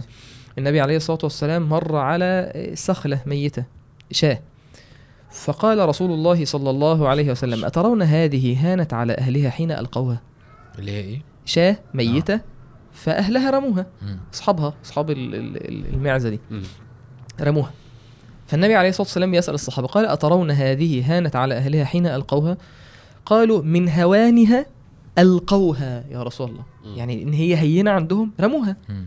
فقال فالدنيا أهون على الله من هذه على الله فده معنى متكرر النبي عليه الصلاة والسلام بيأكد لك إن الدنيا دي لا. تساوي شيء ولا حاجة ولا. الإصبع قال النبي صلى الله عليه وسلم إيه إيه إن إيه مثل الدنيا في الآخرة كمثل ما يجعل أحدكم أصبعه في اليم عمل يحط صبعه كده. فلينظر بما يرجع. والنبي عليه الصلاة والسلام يقول إيه إيه في حديث بيان فرق الدنيا تفاوت الدنيا والآخرة. قال يؤتى بأنعم أهل الدنيا. أكتر واحد منعم في الدنيا. أكتر واحد أكتر واحد أنت تخيل كده اسرح في خيالك أكتر واحد في الدنيا كان في عايش في نعيم طول حياته. فيغمس في النار غمسة. فيسأل هل رأيت نعيما قط؟ فيقول لا والله يا رب ما رأيت نعيما قط. ويؤتى بأشد الناس بؤسا في الدنيا وهو من أهل الجنة. أكتر يعني واحد عاش في الدنيا ما شافش يوم حلو. أبأس واحد على وجه الأرض. ويغمس في الجنة غمسة فيسأل يا ابن آدم هل رأيت بؤسا قط؟ هل مر بك شدة قط؟ فيقول لا والله يا رب ما رأيت بؤسا قط. وما مر بي شدة قط. عجيب إنه بيحلف. يعني معنى بيحلف بيحلف قدام ربنا. ده معنى ده إحنا دلوقتي اختصرنا في قلنا في, في يعني شوف حديث النبي عليه الصلاة والسلام بيقول إيه؟ يقول آه، آه، حديث في في سنن الإمام أحمد قال النبي صلى الله عليه وسلم إن مطعم ابن آدم جعل مثلا للدنيا وإن قزحه وملحه. يعني عايز تشوف مثل الدنيا الطعام اللي أنت بتاكله تخيل أحسن أكلة أنت أكلتها. أحسن أكل. نفسك في طاجن ال seafood اللي انت كل مرة شوربه شوربه seafood ولا أحسن أكلة تتخيلها. وعملت بقى إيه ال- ال- اللحمة اللي انت بتعملها دي وكيس. وظبطت وتمام تمام. وحطيت. عليها وحطيت عليها كل التوابل ومش عارف إيه. قال وإن قزحه وملح يعني تبله وظبطه تمام التمام قال فانظروا إلى ما يصير. سبحان الله. يعني ده ده مثل الدنيا. في الآخر آه، آه، ثم تهيج آه، ثم يهيج فتراه مصفرا ثم يكون حطام. فمعنى حقارة الدنيا ده لما بتستصحبه وانت ماشي الدنيا بت إيه؟ بتستصحبه. آه. انت جايبها منين الكلمة دي؟ مش عارف. من لغة عربية. أنا عارف. استصحاب يعني انت بتاخده وانت ماشي. أنا يعني. تاخده صاحبك كده أيوة. انجيجه وانت ماشي أصل. ده معناه إن انت الم- المعنى ده انت عايش بيه؟ انت انت, أيوه يعني وبت وب- وبتبصر أيوه. ال في كل حتة. انت ب- انت بتمرن. نفسك على ده. أيوه. بتحاول تشوف ده في كل حاجة أنت صح؟ عارف أصل أنت كل حاجة فانية كل حاجة بتتكسر كل حاجة بتخلص. صح. هي دي الدنيا. انت قصدك كده صح؟ إحنا المعنى ده برضو يا جماعة مكمل للمعنى بتاع الحلقة اللي فاتت. عشان بس إيه إحنا اتكلمنا في حاجات أنا ما قلتهاش دلوقتي عشان قلناها المرة اللي فاتت. تمام. ماشي. حلو. فده المعنى الأول. حلو. المعنى الثاني بقى هو ممكن يفهم من كلامنا عايزين برضو ده نتناقش فيه إن قضية إن الإنسان يشتغل في الدنيا وينزل يشتغل لأن أنا كتير من الشباب لما بتناقش معاه. يعني مثلا أقرب حاجة امبارح كنت مع حد من من شباب ناس طيبين جدا يعني. آه، ف فبيقول لي أنا الفترة اللي فاتت مريت بظروف. آه، وكان لازم إن أنا يعني آه، والدي متوفي. وأنا دلوقتي اللي في البيت وبصرف على أمي وكده وبتاع. ومريت بظروف صعبة و... و... وكان لازم إن أنا آه، أشتغل. فلما نزلت واشتغلت حسيت إن أنا قلبي اتغير قوي وحسيت إن أنا آه، آه، الدنيا خدتني وكده. فكرة إيه؟ إن دايما أحيانا بيبقى كتير من الشباب هو مش شايف ان إن هو شايف إن الشغل ده وقت. شايف إن الشغل اللي أنا بنزل. أشتغل وبروح من كذا لكذا وب... وباخد مرتب حلال وبصرف الفلوس دي في حلال وما بكسبش حرام هو شايف إن الشغل ده بالنسبة له شايف النقيضين اللي اتكلمنا عنهم من شوية شايفين إنه التعمير الأرض الشغل ده هو هو العبودية الناحية هو كل التانية حاجة. وفي واحد بالظبط وده هو الإنس... ال- النفوس كده مفطورة كده في الإكستريمز. ف... فعايزين بقى نتكلم عن فكرة الكسب دي. يعني مم. فكرة مم. الإنسان ينزل ويشتغل و... ويتكسب من حلال. هل دي في الشرع عندنا؟ دي قيمة موجودة في الشرع؟ هل ده في ثواب في ده؟ بس ده اللي إيه يعني جميل جميل. ده مهم. بص أنا حاسس إن أنا قلت أنا هفكر الناس إن أنا قلته وبعد كده أنت يا ريت تكمل. لما أنا قلت إنه في العبودية وفيها حاجات كتير وقلت السعي على الرزق يعني يعني في أصلا minimum اسمه اسمه إنك تسعى على مم. اللي هو في حالة الرجالة إنك تنزل تشتغل. ده عشان والهدف هدف السعي على الرزق وإنك تعمل دورك في المجتمع ال- ال- ال minimum. أنا قلت ده. رجالة بس؟ ولا دي حلقة تانية؟ دي حلقة ثالثه دي حلقة خمسة. منتج عمرو جامد. يا إنما ريت يا ريت الشباب لكل في واحد كل حلقة يكتب لنا اعملوا حلقة عن التعدد. يا ريت يا حبيبي تعمل انت حلقة عن التعدد. وتريحنا. انت عارف ده قصر ديل ده؟ دي الحلقة بتاعت التعدد دي آخر حلقة. هنعملها في البرنامج خالص. season 6 عشان إيه؟ انت يا عم شجاع راجل شجاع. ما تعمل انت. ما تعمل انت يا عم حلقة عن التعدد وخلينا إحنا ناكل عيش. هو مش عارف يكلمها فبيقول لك كلمها انت. هتعمل هتستفيد إيه يعني لما لما أنا بات في الشارع يعني؟ فانا أنا أنا لما قلت إنه في branches كتيره قوي قلت ده منها. وبعد كده قلت بقى أنت بقى ممكن واحد ينصر الدين بإنه يركز قوي في ده. أو واحد هيدي ده ال minimum وينصر الدين في الدعوة أو واحد هيدي ده. فأنا حاسس قلتها وأنت بقى يعني كمل فيها. okay. انت أنت حازم ب... يعني بتحس بإيه؟ بتحس إن أنت لما تنزل تشتغل إن أنت يعني- عبادة؟ يعني دي عبادة؟ بت... بتستحضر نية العبادة في الشغل؟ آه هو أنا يعني عارف البعد بتاع أنا مش عايز كأني بعمل دعاية بس هو فعلا أنا بحس إن ربنا كرمني جدا إن استبرق كلها عامة قادر ألاقي فيها نوايا لربنا سبحانه وتعالى فاهم؟ الحمد لله. الحمد لله. فعلا. دي نعمة كبيرة جدا جدا. نعمة فعلا. والله الحمد لله. ف... فل... فلو بشكل مباشر آه الشغل نفسه أنا بحس بحس إن أنا. قادر ألاقي المعاني دي الحمد لله. كويس. فكرة الفلوس اللي بكسبها من من آه، من العمل كتير اللي- الحمد لله. خلي بالك مفيش حد بيتفرج علينا مش لابس طب إحنا عندنا بتاع فاهم؟ اضرب يعني- 100000 بقى يعني في أصحابك قاعدين 500 مفيش- مفيش 400000 400000 إحنا عندنا 400000 واحد؟ لا لا الشانل أيوة. بتاعت وعي آه. لا الشانل يا بتاعت عم. وعي فاضل الله إن شاء الله يا أسبوعين وتتم بس. 100000 ماشي ماشي. تخيل؟ أنا اتفقنا هاخد؟ الدرع. ما شاء الله. ماشي مفيش ما مشكلة. عنديش دروع أنا. إنجاز. بس ال- يعني بيتهرب كل الكلام اللي هو قاله.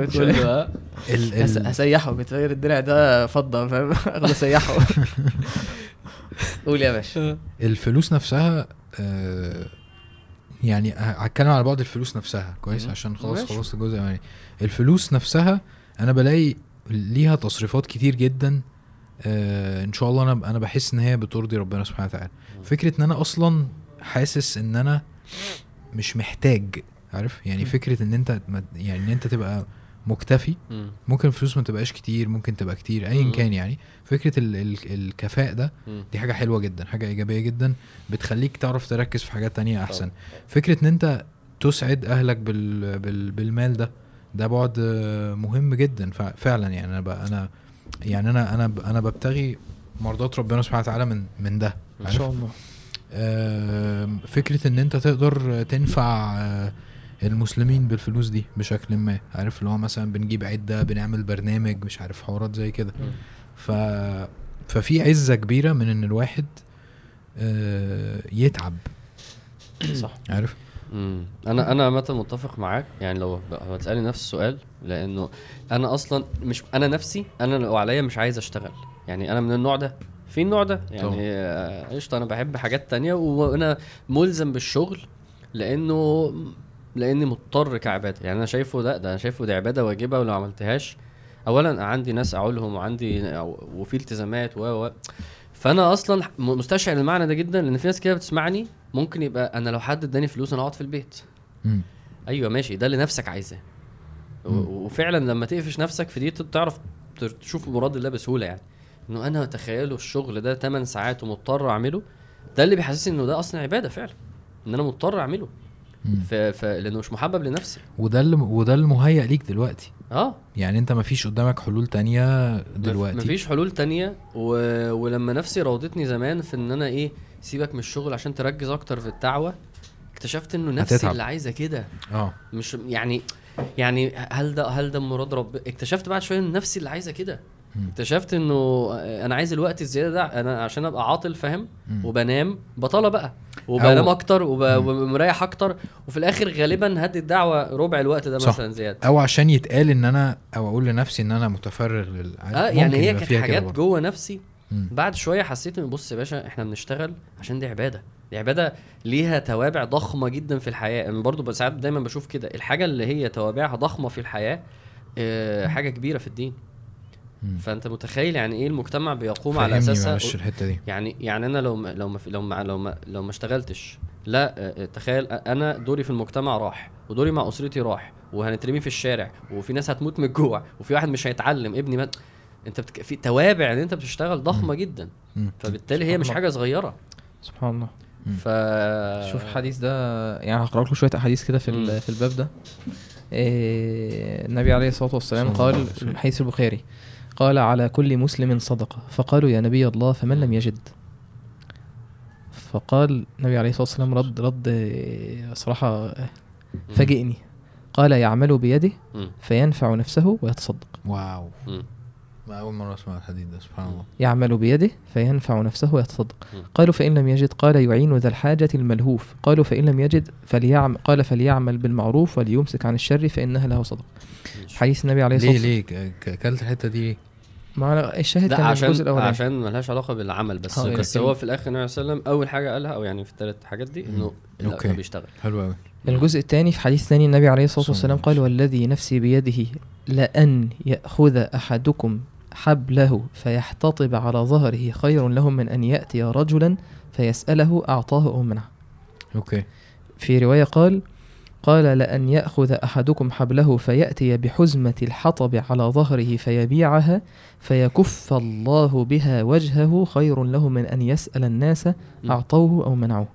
حلو قوي يعني أنت تبقى وهنا ال ال ال الاحتطاب أنت تجمع الحطب حاجة شاقة. آه. okay. يعني أنت هت هتقطع ال- هت هت بالفاس وهتعمل الخشب وهتشيله على ظهرك وهترجع بيه أنا مش قصدي. بسيطة قصدي قصدي مهنه مهنة مش مهنة مش مهنة بسيطة. مش كرييتيف بقى. يعني يعني يعني, بسيطة وشقة شاقة آه، جدا. والنبي عليه. والنبي الصلاة والسلام قال يعملها. علشان علشان ما يسألش الناس. علشان يكف لا يريق ماء وجهه قدام الناس إن هو يسأل. وفي رواية قال لأن يحتطب أحدكم حزمة على ظهره خير له من أن يسأل أحدا فيعطيه أو يمنعه. إن هو بعد كده يبقى عالة يعتمد إن ده هيديني. ولا مش هيديني. في رواية قال لأن يغدو أحدكم فيحطب على ظهره فيتصدق به. ويستغني به. من الناس خير له من أن يسأل رجلا أعطاه أو منعه ذلك. فإن اليد العليا أفضل من اليد السفلى. وابدأ بمن تعول. قوة قوة جدا. فمع صح. معاني دي معاني دي إن إن أنت ممكن تحتسبها وأنا شغال. يعني ممكن تحتسب إن أنا بشتغل الحمد لله أنا دلوقتي عايز واحد شاب في الجامعة بيسمعنا دلوقتي شاب في الجامعة عايز إن هو يعف نفسه ويتجوز. كلام إحنا بنتكلم كلام على أرض. الواقع. عايز يتجوز. ظروفه مثلا شايف الظروف صعبة وظروف الزواج إن شاء الله بإذن الله ربنا يكرمنا ونعمل حلقة عنها يعني عن موضوع ال- الزواج وتيسير الزواج والأفراح والحاجات دي. ظروف صعبة وهو محتاج يتجوز ويعف نفسه في ر- شهوة ورغبة ملحة وعايز إن هو يستقر نفسيا مش بس موضوع الشهوة عايز يستقر ويفتح بيت ويركز ويركز بقى في الحاجات التانية في الدين وفي الدنيا. فأنت محتاج إن أنت تشتغل وتاخد نية إن أنا بتعب وبشتغل وبعرق وبتكسب من حلال علشان ما أزلش نفسي لحد. أنا يعني كلنا بنحترم جدا عارف العيال اللي بتكافح دي اللي هو بيشتغل أي حاجة فاهم بيشتغل طبعا. من هو في طبعا. إعدادي في سوبر ماركت في مش طبعا. عارف إيه وفي حديث أنا سمعته أنا مش فاكر كان إيه آه، يعني مش عارف هو صحيح ولا لأ مم. بس النبي صلى الله عليه وسلم كان بيقول إن إن إن ما فيش نبي غير لما مظبوط إن هو كان بيرعى الغنم مم. مش هو كده؟ كان بيرعى غنم ومفيش نبي وإن نبي الله الغنم، وإن كان يأكل من عمل يده سبحان الله مظبوط حاجة عزة يعني طبعا، عز. أنا كنت مر بمر من من جنب غنم من كده من كام يوم مم.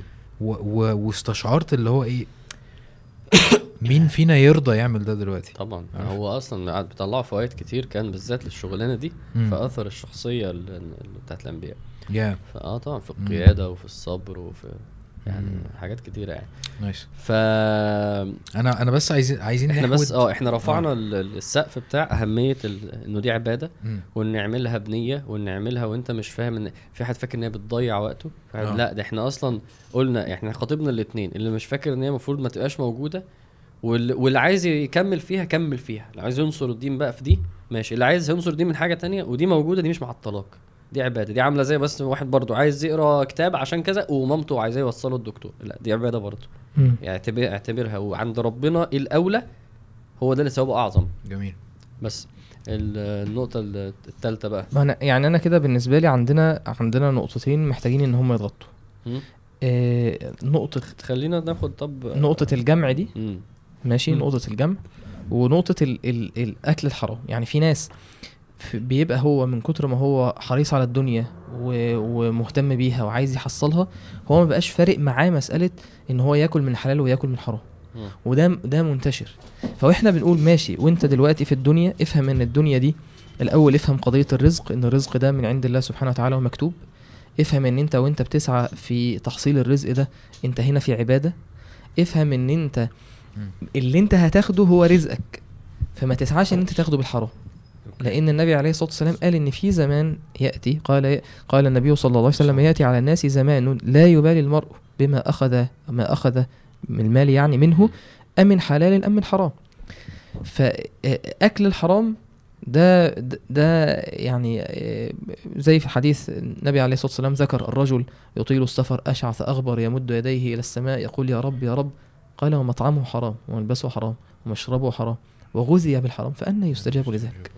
هو قفل الباب ال باب ال ال الاستجابة والمعاملة مع ربنا سبحانه وتعالى بسبب الكسب. كل لحم نبت من حرام فالنار أولى به. ف... ف... آه فوانت ماشي في الطريق ده. خد بالك إن إن إن أنت يتعرض عليك الدنيا من حرام فتقبلها. رشوة ربا آه، تاخد قرض علشان تبدأ مشروع وأنت وأنت عارف إن ده ده ده حرام وإن أنت ده ربا. فخد بالك من الحتت دي. أو مش عارف. ما هو برضو خلي بالك اسأل. خلي بالك أول ما أنت بدأت تتكلم عن الحرام الكسب الحرام أنا أنا جه في بالي اللي هو إيه يا عم أنت بتتكلم في حاجة كل الناس عارفاها بس لأ خالص. لا لا على فكرة على فكرة مش شرط في ناس كتير بتتعامل معاملات هي حرام وهو ما يعرفش. بالظبط. فالمفروض إن أنت وأنت بتتعامل زي أنا طالع حج. أنت دلوقتي بتتعامل معاملة في التجارة فواجب عليك إن أنت تسأل وتستفتي هي الحاجة دي حلال ولا حرام. ده طبيعي انت طالع تحج هو أنا هطلع حج كده؟ أنا أول مرة أحج. إحنا اول الحمد لله لما ربنا أكرمنا وحجيت بقيت ماشي بشوف فقه الحج ب... انت خدته ماشي درسته بس ساعة التطبيق لا الموضوع مختلف. انت اول عبادة أول مرة تعملها وخايف إن انت تعمل فيها حاجة حاجة غلط إيه، هتفوتك حاجة مش عارف إيه. فأنت المفروض إن انت يبقى عندك نفس الاهتمام ده وانت بتتاجر وانت بتتعلم تتعلم فقه التجارة فقه المعاملات. احسب إن شاء الله يعني الناس اللي بتسمعنا إحنا. يعني إحنا إن شاء الله طموحنا أعلى من كده طموح الناس إن أنا أصلا إزاي أحقق العبودية في الشغل فمبدأ. إن شاء الله يعني أيوه بس في حاجات ال- دقيقة ال... ال... أيوه يعني- أنا يعني بتكلم على المبدأ بس أيوه يعني في في حاجات دقيقة الليفل بتاع- منها يبيع دينه بعرض من الدنيا إن هو أيوة. أيوة. أصلا عايز الدنيا يعني. يعني إن شاء الله يعني أظن إن إحنا بعد الحلقتين دول لأ إحنا أصلا عايزين الآخرة عايزين العبودية صح. فهو لفتة مهمة من شريف وتفصيلاتها بقى في اللي أنت بتقول أصلا الواحد يدقق أصلا أنا إيه اللي بعمله ويرجع يراجع نفسه أنا أنا حاسس إن واجب إن إحنا نتكلم عليهم في ناس ناس قرايبي يعني آه، عندهم آه، محل ذهب كويس.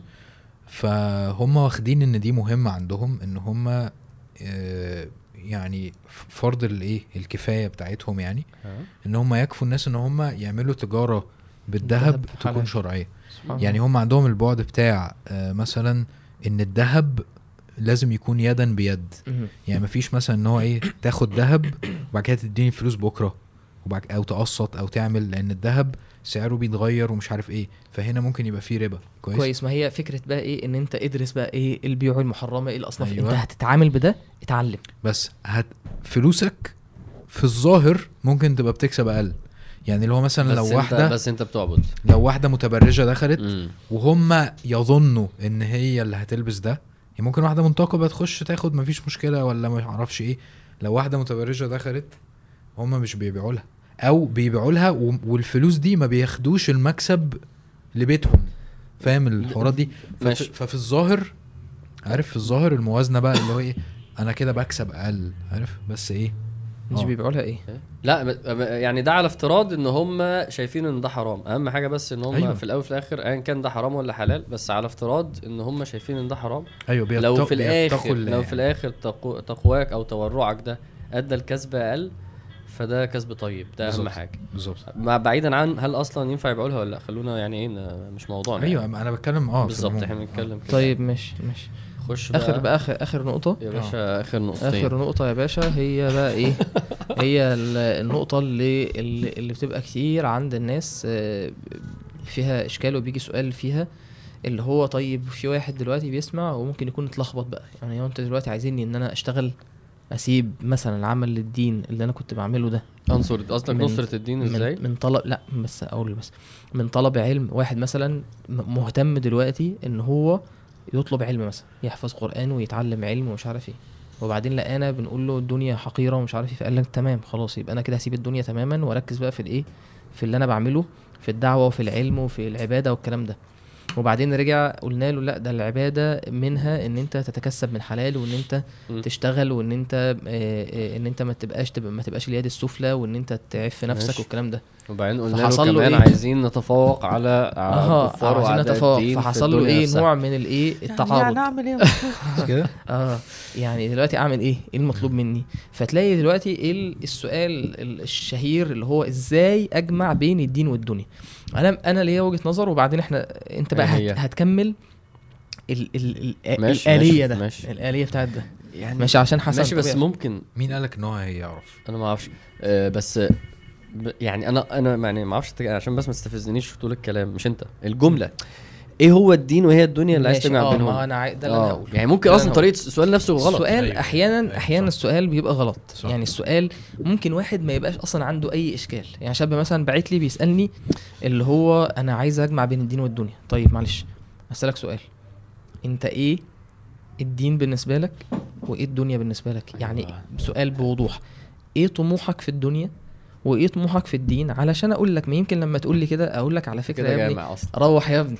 انت يا ابني كويس مفيش طيب. حاجة أنت مفيش أي مشكلة.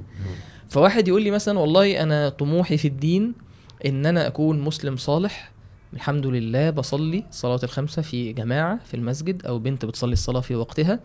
ويعني ممكن بحفظ شوية من القرآن.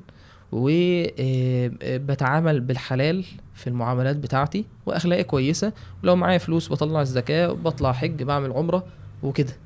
معاملتي طيبة مع الناس ما بظلمش حد ما باخدش رشوة.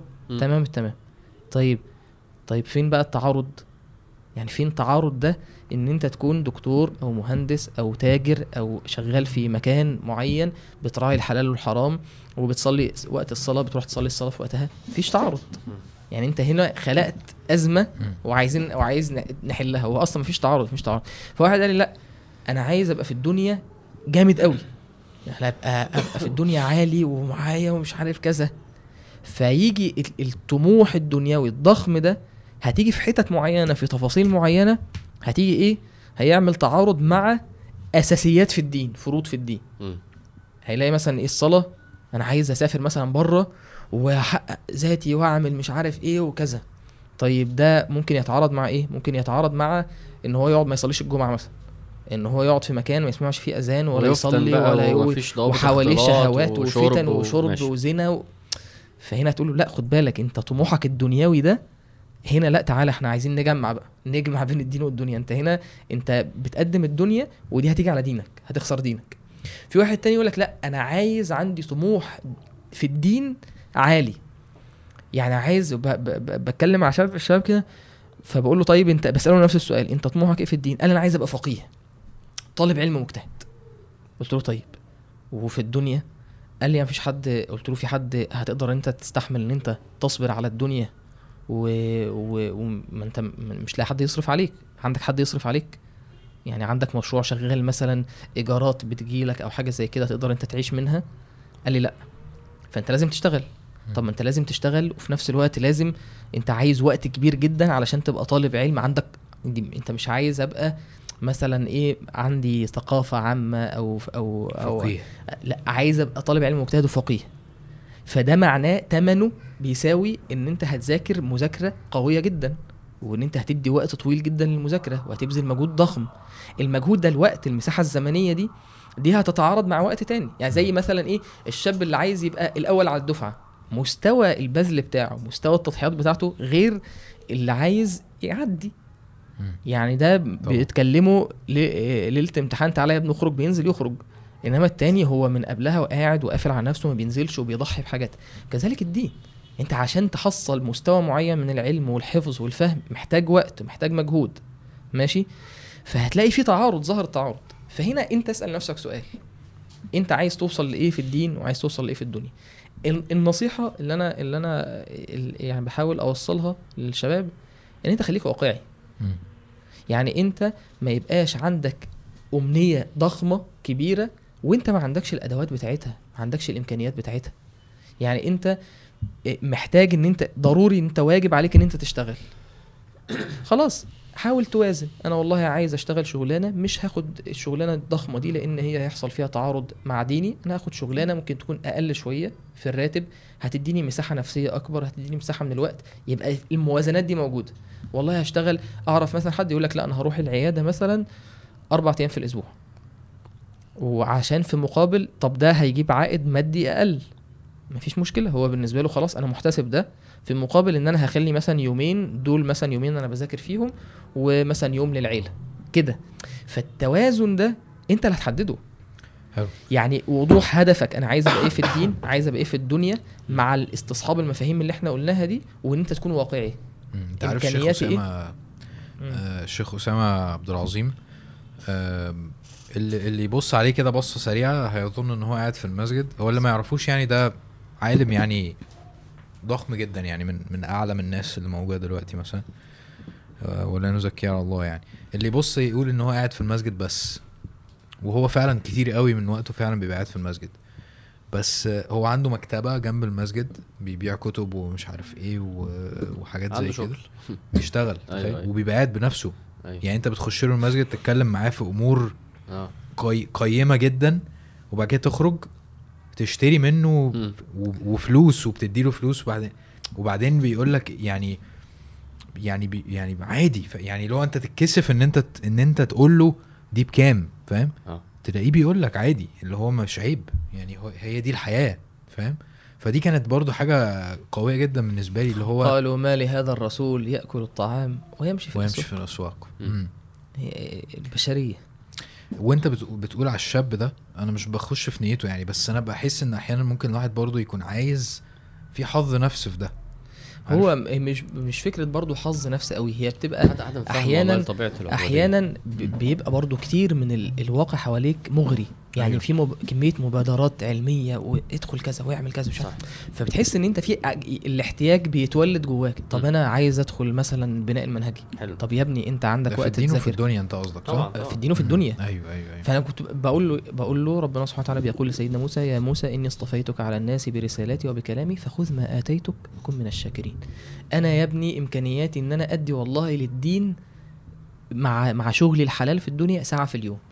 والله إمكانياتي إن أنا أقعد مع عيال صغيرين شباب صغيرين أحفظهم قرآن. خذ ما آتيتك وكن من الشاكرين. ارضى بده؟ واشتغل عليه. طب ما أنا بعمل كده للدين. لا أنا عايز أبقى جامد جدا في الدين وجامد جدا في الدنيا. ما أنت لازم تحدد أنت يعني. في حاجات مش هتاخد كل حاجة. لازم يكون عندك توازن. لازم في حاجات هتضحي بيها. أنا معاك. حلو. بس إحنا ما اتكلمناش عن حتة التخاذل كده بقى. أي ال- تخاذل؟ آه الحتة أنت. عايز تطير ها؟ لا أنا عايز عايز أكمل حتة أنا عايز بس عامر ي... أنا عايز ي- أكمل حتة. يديني أوكي. الحتة العملية في انت ده. بس أنت يعني تقصد إيه بالتخاذل؟ كمل أنت الأول عشان أنا بتكلم أنا. بتكلم على ليه تخاذل؟ إنه خلاص قشطة أنا سمعت الحلقة بتاعت وعي بتاعت ال- الموازنة بين الدين والدنيا وبتاع ولقيت إنه أنا مش لازم أبقى رهيب في الدنيا وخلاص المنافسة اللي أنا كنت إحنا ما قلناش هنافسها- كده. ما إحنا مالناش كده. ما هو لا، بس- اسمعها غلط. يعني أصل أنا لسه في بالي ده. اللي هو طب أنا دلوقتي مثلا عايز أنافس فعلا. مش عارف عايز أنافس ولا لأ. بص يا حازم. عايز عايز أبقى عايز أحقق العبودية. قوي جدا. لا أنا نسيت. عايز أحقق العبودية. أوكي. بإن أنا آه، أخدم ديني وأنصر ديني. على قد ما أقدر باللي, باللي, يرضي ربنا والإمكانيات اللي هو مديها لي. قال لي دي بس تستخدمها عشان أعمل أحسن حاجة أقدر أعملها.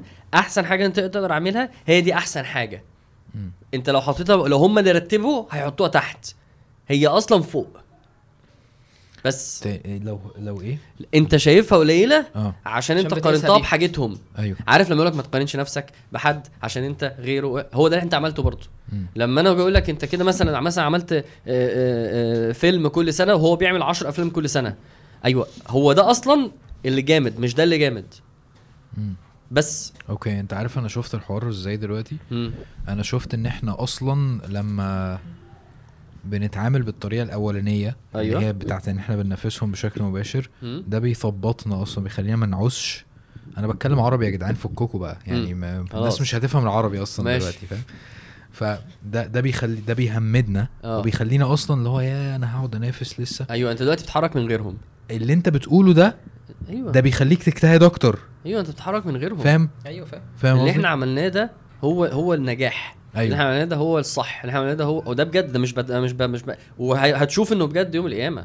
هتشوف إنه بجد لما النتيجة تطلع ولما نشوف مين كسب إيه فعلا. أنا اتبسطت. أنا كيفت أنت خلاص آخر الحتة كيف؟ دي. آه. طيب. اديني بقى إيه عشان أو- العملي. طيب عشان هقول لك مثال أو يعني مش مثال خليني أقول لك أنا فهمت إيه من كلامك. أنا لسه أنا لسه ضد كلمة الجمع بين الدين والدنيا. أوكي. لأن أنا كده أنت كده حطيت دي العمل حاجة ودي حاجة. أنت كده حطيت العمل الدنيوي. آه، هي دي كلمة الدنيا. وحطيت الدين في اللي برضو اللي هي إيه نص الحاجات الأعمال اللي هي بتنصر الدين من خلال مثلا الدعوة والعبادة والعلم. أيوه أيوه. فأنت أنا أنا ده أنا أنا مش شايف أنا شايف إزاي أحقق العبودية. صح. فإزاي أنا أنا ح- أحب أكتر يعني يا ريت ما اسميش الحلقة الجامعة بالدين والدنيا. نعم مش إزاي أحقق العبودية؟ لأن لو أنت سألتني إزاي أحقق العبودية هنقول مبدئيا كده إنه في فرائض كلنا مشتركين فيها. آه زي مثلا الصلاة زي بر الوالدين. لازم لازم ده ياخد حجمه عندك في مساحة وقتك. وبعد كده الحاجة اللي أنا شايف لازم تبقى minimum موجودة minimum موجودة هي التزكية الأساسية. يعني إيه التزكية الأساسية؟ يعني أنا في حاجة بتخلي دايما إيماني صاحي. أنا مثلا واحد لازم يومه مثلا في- هيقرأ قرآن آه، في واحدة مثلا بتروح تحضر درس مرة في الأسبوع لأن ما ينفعش تعمل أي حاجة من غير ده. الشعلة الأساسية بتاعت أنا هنا ليه وأنا بعمل ده ليه لازم تفضل موجودة. عشان الدنيا ما تسحبكش. وعشان ال... وع- وعشان الأمراض القلوب ما تسمع ما. ما تسحبش اللي هيطلب فقه مم. أو اللي هيطلب علم أو اللي هيشتغل في الدعوة. لازم minimum التزكية ده. وكل الوقت اللي متاخد ده أنا بشوفه minimum عند الكل. بعد كده أنا إزاي أنصر الدين؟ ممكن نقول كده. فنقول أنت إمكانياتك إيه؟ زي ما أنت بتقول بقى. في واحد فعلا فعلا عنده شغف في القراية وطلب العلم. وحابب ده. هنقول له ماشي أنت عندك مينيمم برضو إيه؟ السعي اللي هو اللي هو اللي هو طلب الرزق. وأنت مش هينفع إن أنت تعمل ده من غير ده. ولو كل الحاجات دي بتاخد وقت فمفيش مشكلة. لو لو أنت هتجتهد في طلب العلم ومثلا هيبقى ساعة في اليوم زي الفل. كمان عشر سنين هيبقى في علم هتطلعه هتبقى مفيش مشكلة. كل واحد زي ما انت قلت إيه وامكانياته. لأن في واحد سبحان الله في مرحلة أصلا مش متجوز فعنده وقت زيادة. وفي واحد اتجوز. بس في الأول وفي الآخر أنا أنا أنا أنا إمكانياتي إيه وأنا قدراتي إيه؟ في واحد هيبقى لا الشغل ده أصلا هو نصرة الدين. فأنا آه، بدل ما هشتغل أصلا ساعة لا أنا هشتغل ال- ال- نفترض يعني إنه ده كل واحد متبقي له أربع ساعات في يومه منهم مثلا. خلاص أنا هحطهم فين. هل هحط بعد الشغل الساعتين اللي فاضلين لي. فأنا فهعلم أطفال قرآن وبرضه مع مع تكسير صنم الإنجاز ده مش هيستقل ال- ال- اللي العمل بيعمله. ده صح. هو ساعات فعلا زي ما أنت قلت ضغوطات الاحتياج مع الصنم ده ولدت إنه ساعتين في اليوم. أنا بسمع كلام من من ناس كبار قوي إحنا نفسنا نبقى زيهم عمرنا ما هنوصل إنه لو اديت ساعتين في اليوم أنت هتبقى جبار في نصرة الدين في الحاجة ايا كان إيه هي. يعني كتير فاكر فعلا. فاكر 70 30 دي حد قال لك على مم. 70 ت- ناس كبار قوي في الدعوة يقول لي 70 30 قصده إيه؟ 70 ليك تزكية تخيل وطلب علم و... و30 بس في الدعوة. يعني لو عندي 10 ساعات ثلاث ساعات بس اللي هم بتوع البودكاست. ما, ما تعملش حاجة ت... طب أنا عايز اعمل عايز أعمل. لا ما أنت برضه لازم تتعلم حاجات تانية. آه، طبعا أهمية الوقت وال- والمدى الطويل و و. فخلاصه الموضوع. إزاي أحقق العبودية وأنصر الدين في مجال؟ شوف أنت كويس في إيه. ولازم تدي ال minimum للحاجات الأساسية اللي كلنا مشتركين فيها. والله انت اديته في القرآن اديته في المونتاج اديته في في في تجمع فلوس وتوزع على الفقراء اديته في طلب علم مفيش مشكلة. هيتبقى بقى اللي هو إيه؟ طب أنا ينفع أتفرغ؟ آه، والله ده هيعتمد على إن أنت ال- الوسيلة بتاعت الشغل بتتحقق بجيب يعني زي ما أنت قلت أنت راجل مخلوق ملياردير. فهو فعلا مش محتاج الشغل وفي نفس الوقت متمكن جدا في الدعوة خلاص. دي بتبقى special cases سيدنا عمر كان سيدنا عمر بي بيروح يشتغل يوم. عجبت يعني بيشتغل يوم. عجبت من الحديث ده. إن سيدنا عمر كان ليه صاحب معاه في التجارة. آه فكان عارف. بيروح. يشتغل يوم أنت عارف ويروح يعني إيه يقعد مع النبي؟ يوم. أنت عارف يعني إيه الجملة دي؟ سيدنا عمر. عارف يعني عارف يعني إيه سيدنا عمر في 10 سنين المدينة؟ شاف النبي يعني افترضنا يعني ما أعرفش بالظبط بس شاف النبي عشان خمس سنين بس. في خمس سنين راحوا عليه ما راحوش عليه. هو ده كان بيحصل ال- العلم اللي فاته فلنفترض يعني فلنفترض إن هو ده الرقم. نماذج الصحابة عشان برضو فكرة مم. ما يبقاش فكرة التفرغ دي التفرغ والرضا بالقليل من الدنيا مم. ان دي فكرة مرفوضة. ده مش مرفوضة. يعني سيدنا بس أبو اللي أنا هريرة لاحظته قال آه، لازمت النبي على شبع بطني. اللي أنا لاحظته يا أنا شريف ما كنتش باكل بس ماشي مع النبي عليه الصلاة والسلام. فأنا بقول له دي تضحية عالية. أيوه بس اللي أنا لاحظته إن ده مش الأصل. يعني نماذج التفرغ على الأقل في الواقع اللي إحنا فيه دلوقتي عشان برضه لو أنا هقيس على زمن لا أنا لازم لا ده مش الأصل. صعب ده مش الأصل و... و... وفعلا توابعها إن أنت لو ف... فاني واي الخلاصة إن انت أيوه أنت دلوقتي بتقول إزاي إزاي اجمع ما بين آه خيوط العبودية عارف من منها من نصرة ال- الدين. من الأزمات في فكرة التفرغ دي برضو إن أنت يعني أنت قلت معنى كويس إن أحيانا بيكون فيها حظ نفس وغير كده إن فكرة إن الإنسان أصلا بينزل وبيشتغل وبيحتك ده ده مفيد للإنسان آه، ك ك طبعا خبرات كخبرات حياتية فظيعة. وحياتية. معاك حق. بيفرق معاه حتى في العلم وفي. الدعوة. معاك حق. الحاجة التالتة إن إن إن لما بيريح وبيتفرغ بي بيكون عنده حاجة نوع من ال من ال من الأريحية. ما بيعتبرش نفسه كمان- هو آه. يعني لو أنت هتتفرغ آه. وليك مثلا مصدر دخل آه، ثابت آه. الحمد لله حلال. بيدخل لك وخلاص وأنت مكفي هتتفرغ.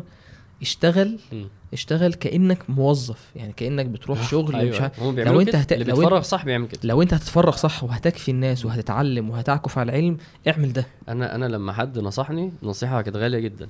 قال لي ما تتفرغش أنت. خليها هي اللي تفرغك. اللي هي الدعوة يعني. أنا تتفرغش أنت. ما تاخدش أنت القرار. لا أنت هتتعجب مين؟ انت عارفه يعني. بس نش... يعني ف... فسبحان الله. قال لي لا مش انت تاخد قرار تفرغ هي هتلاقي لو انت المفروض تتفرغ هتلاقيها بت... انت هتتفرغ. فانت عندك اليوم 24 ساعة. انت لو بتنام 8 ساعات وده كتير وبتشتغل 8 ساعات وده مضبوط انت عندك 8 ساعات. عندك 8 ساعات في إيه؟ عشان بقى نبقى عمليين بقى. 8 في 7 عندك 50 ساعة 50 ساعة في أسبوعك ما بين تزكية وما بين آه، آه، معاملات حقوق إخوة بقى في أخ عازمني على حاجة في موجود. جنازة. 50 ساعة. الوقت موجود والله فعلا. 50 ساعة. لأهلك أنت تشتغل وإن أنت 50 تتعلم. ساعة ل... ل... ل... ل... ل... للتزكية 50 ساعة للفرائض. هتلاقي إيه؟ هتلاقي 10 15 ساعة في أسبوعك للتخصص. اختار التخصص اللي أنت تقدر عليه ودوس فيه. هو ده حجمه هو ده حجمه. لحد ما ربنا يفتح عليك ويبارك لك. وارضى بيه. بس كده. حلو. أنا بحس إن. كتير بح... أنا آسف. بحس إن في كتير من. أنا عارف إنك محتاج تمشي. بحس إن في كتير من الأسئلة. أبويا دايما بيقعد ينكشني في الحتة دي وما بحبش أنا الحوار ده بس بتبقى حقيقة يعني. اللي هو أنت بتهلك عشان ما تعملش حاجة أصلا عارف؟ يعني دي خبايا في النفس. أنا كانت عندي وممكن تكون انت كانت عندك وانت كانت عندك. بس آه، مش شرط تبقى عند الناس بس الناس لو دخلت جوه هتلاقيها آه، يعني. أيوه أيوه. غالبا هتلاقيها. مم. خلينا نقول كده. غالبا هتلاقيها. بس هو على فكرة يعني يعني ساعات بيبقى كلامهم صح. يعني للأسف. يعني أنا آه يعني أنا ممكن يكون عندك عندي أنا يعني ممكن يكون عندي ده. عايز أتفرج. أيوه يعني قشطة. آه، يعني هتقعد لو أنت PlayStation. هتتفرغ بس يعني استرجل بقى. يعني ما دام أنت هتتفرغ خدها في حقها بقى. عشان- لما لو عشان لما لما تسأل قدام أنا ربنا- الحمد لله ما تقلقوش يعني كل اللي بيسمعونا معهمش فلوس وإحنا كلنا كحيانين في بعض PS5. فاحنا فإحنا كلنا يعني ما تقلقش يعني أحلام التفرغ دي أحلام يعني. سبحانك اللهم وبحمدك. لا إله إلا أنت. أشهد أن لا إله إلا أنت. أشهد أن لا إله إلا أستغفرك انت وأتوب إليك. الحمد لله رب العالمين. عشان الساعة 9 وربع حلقة متوازنة؟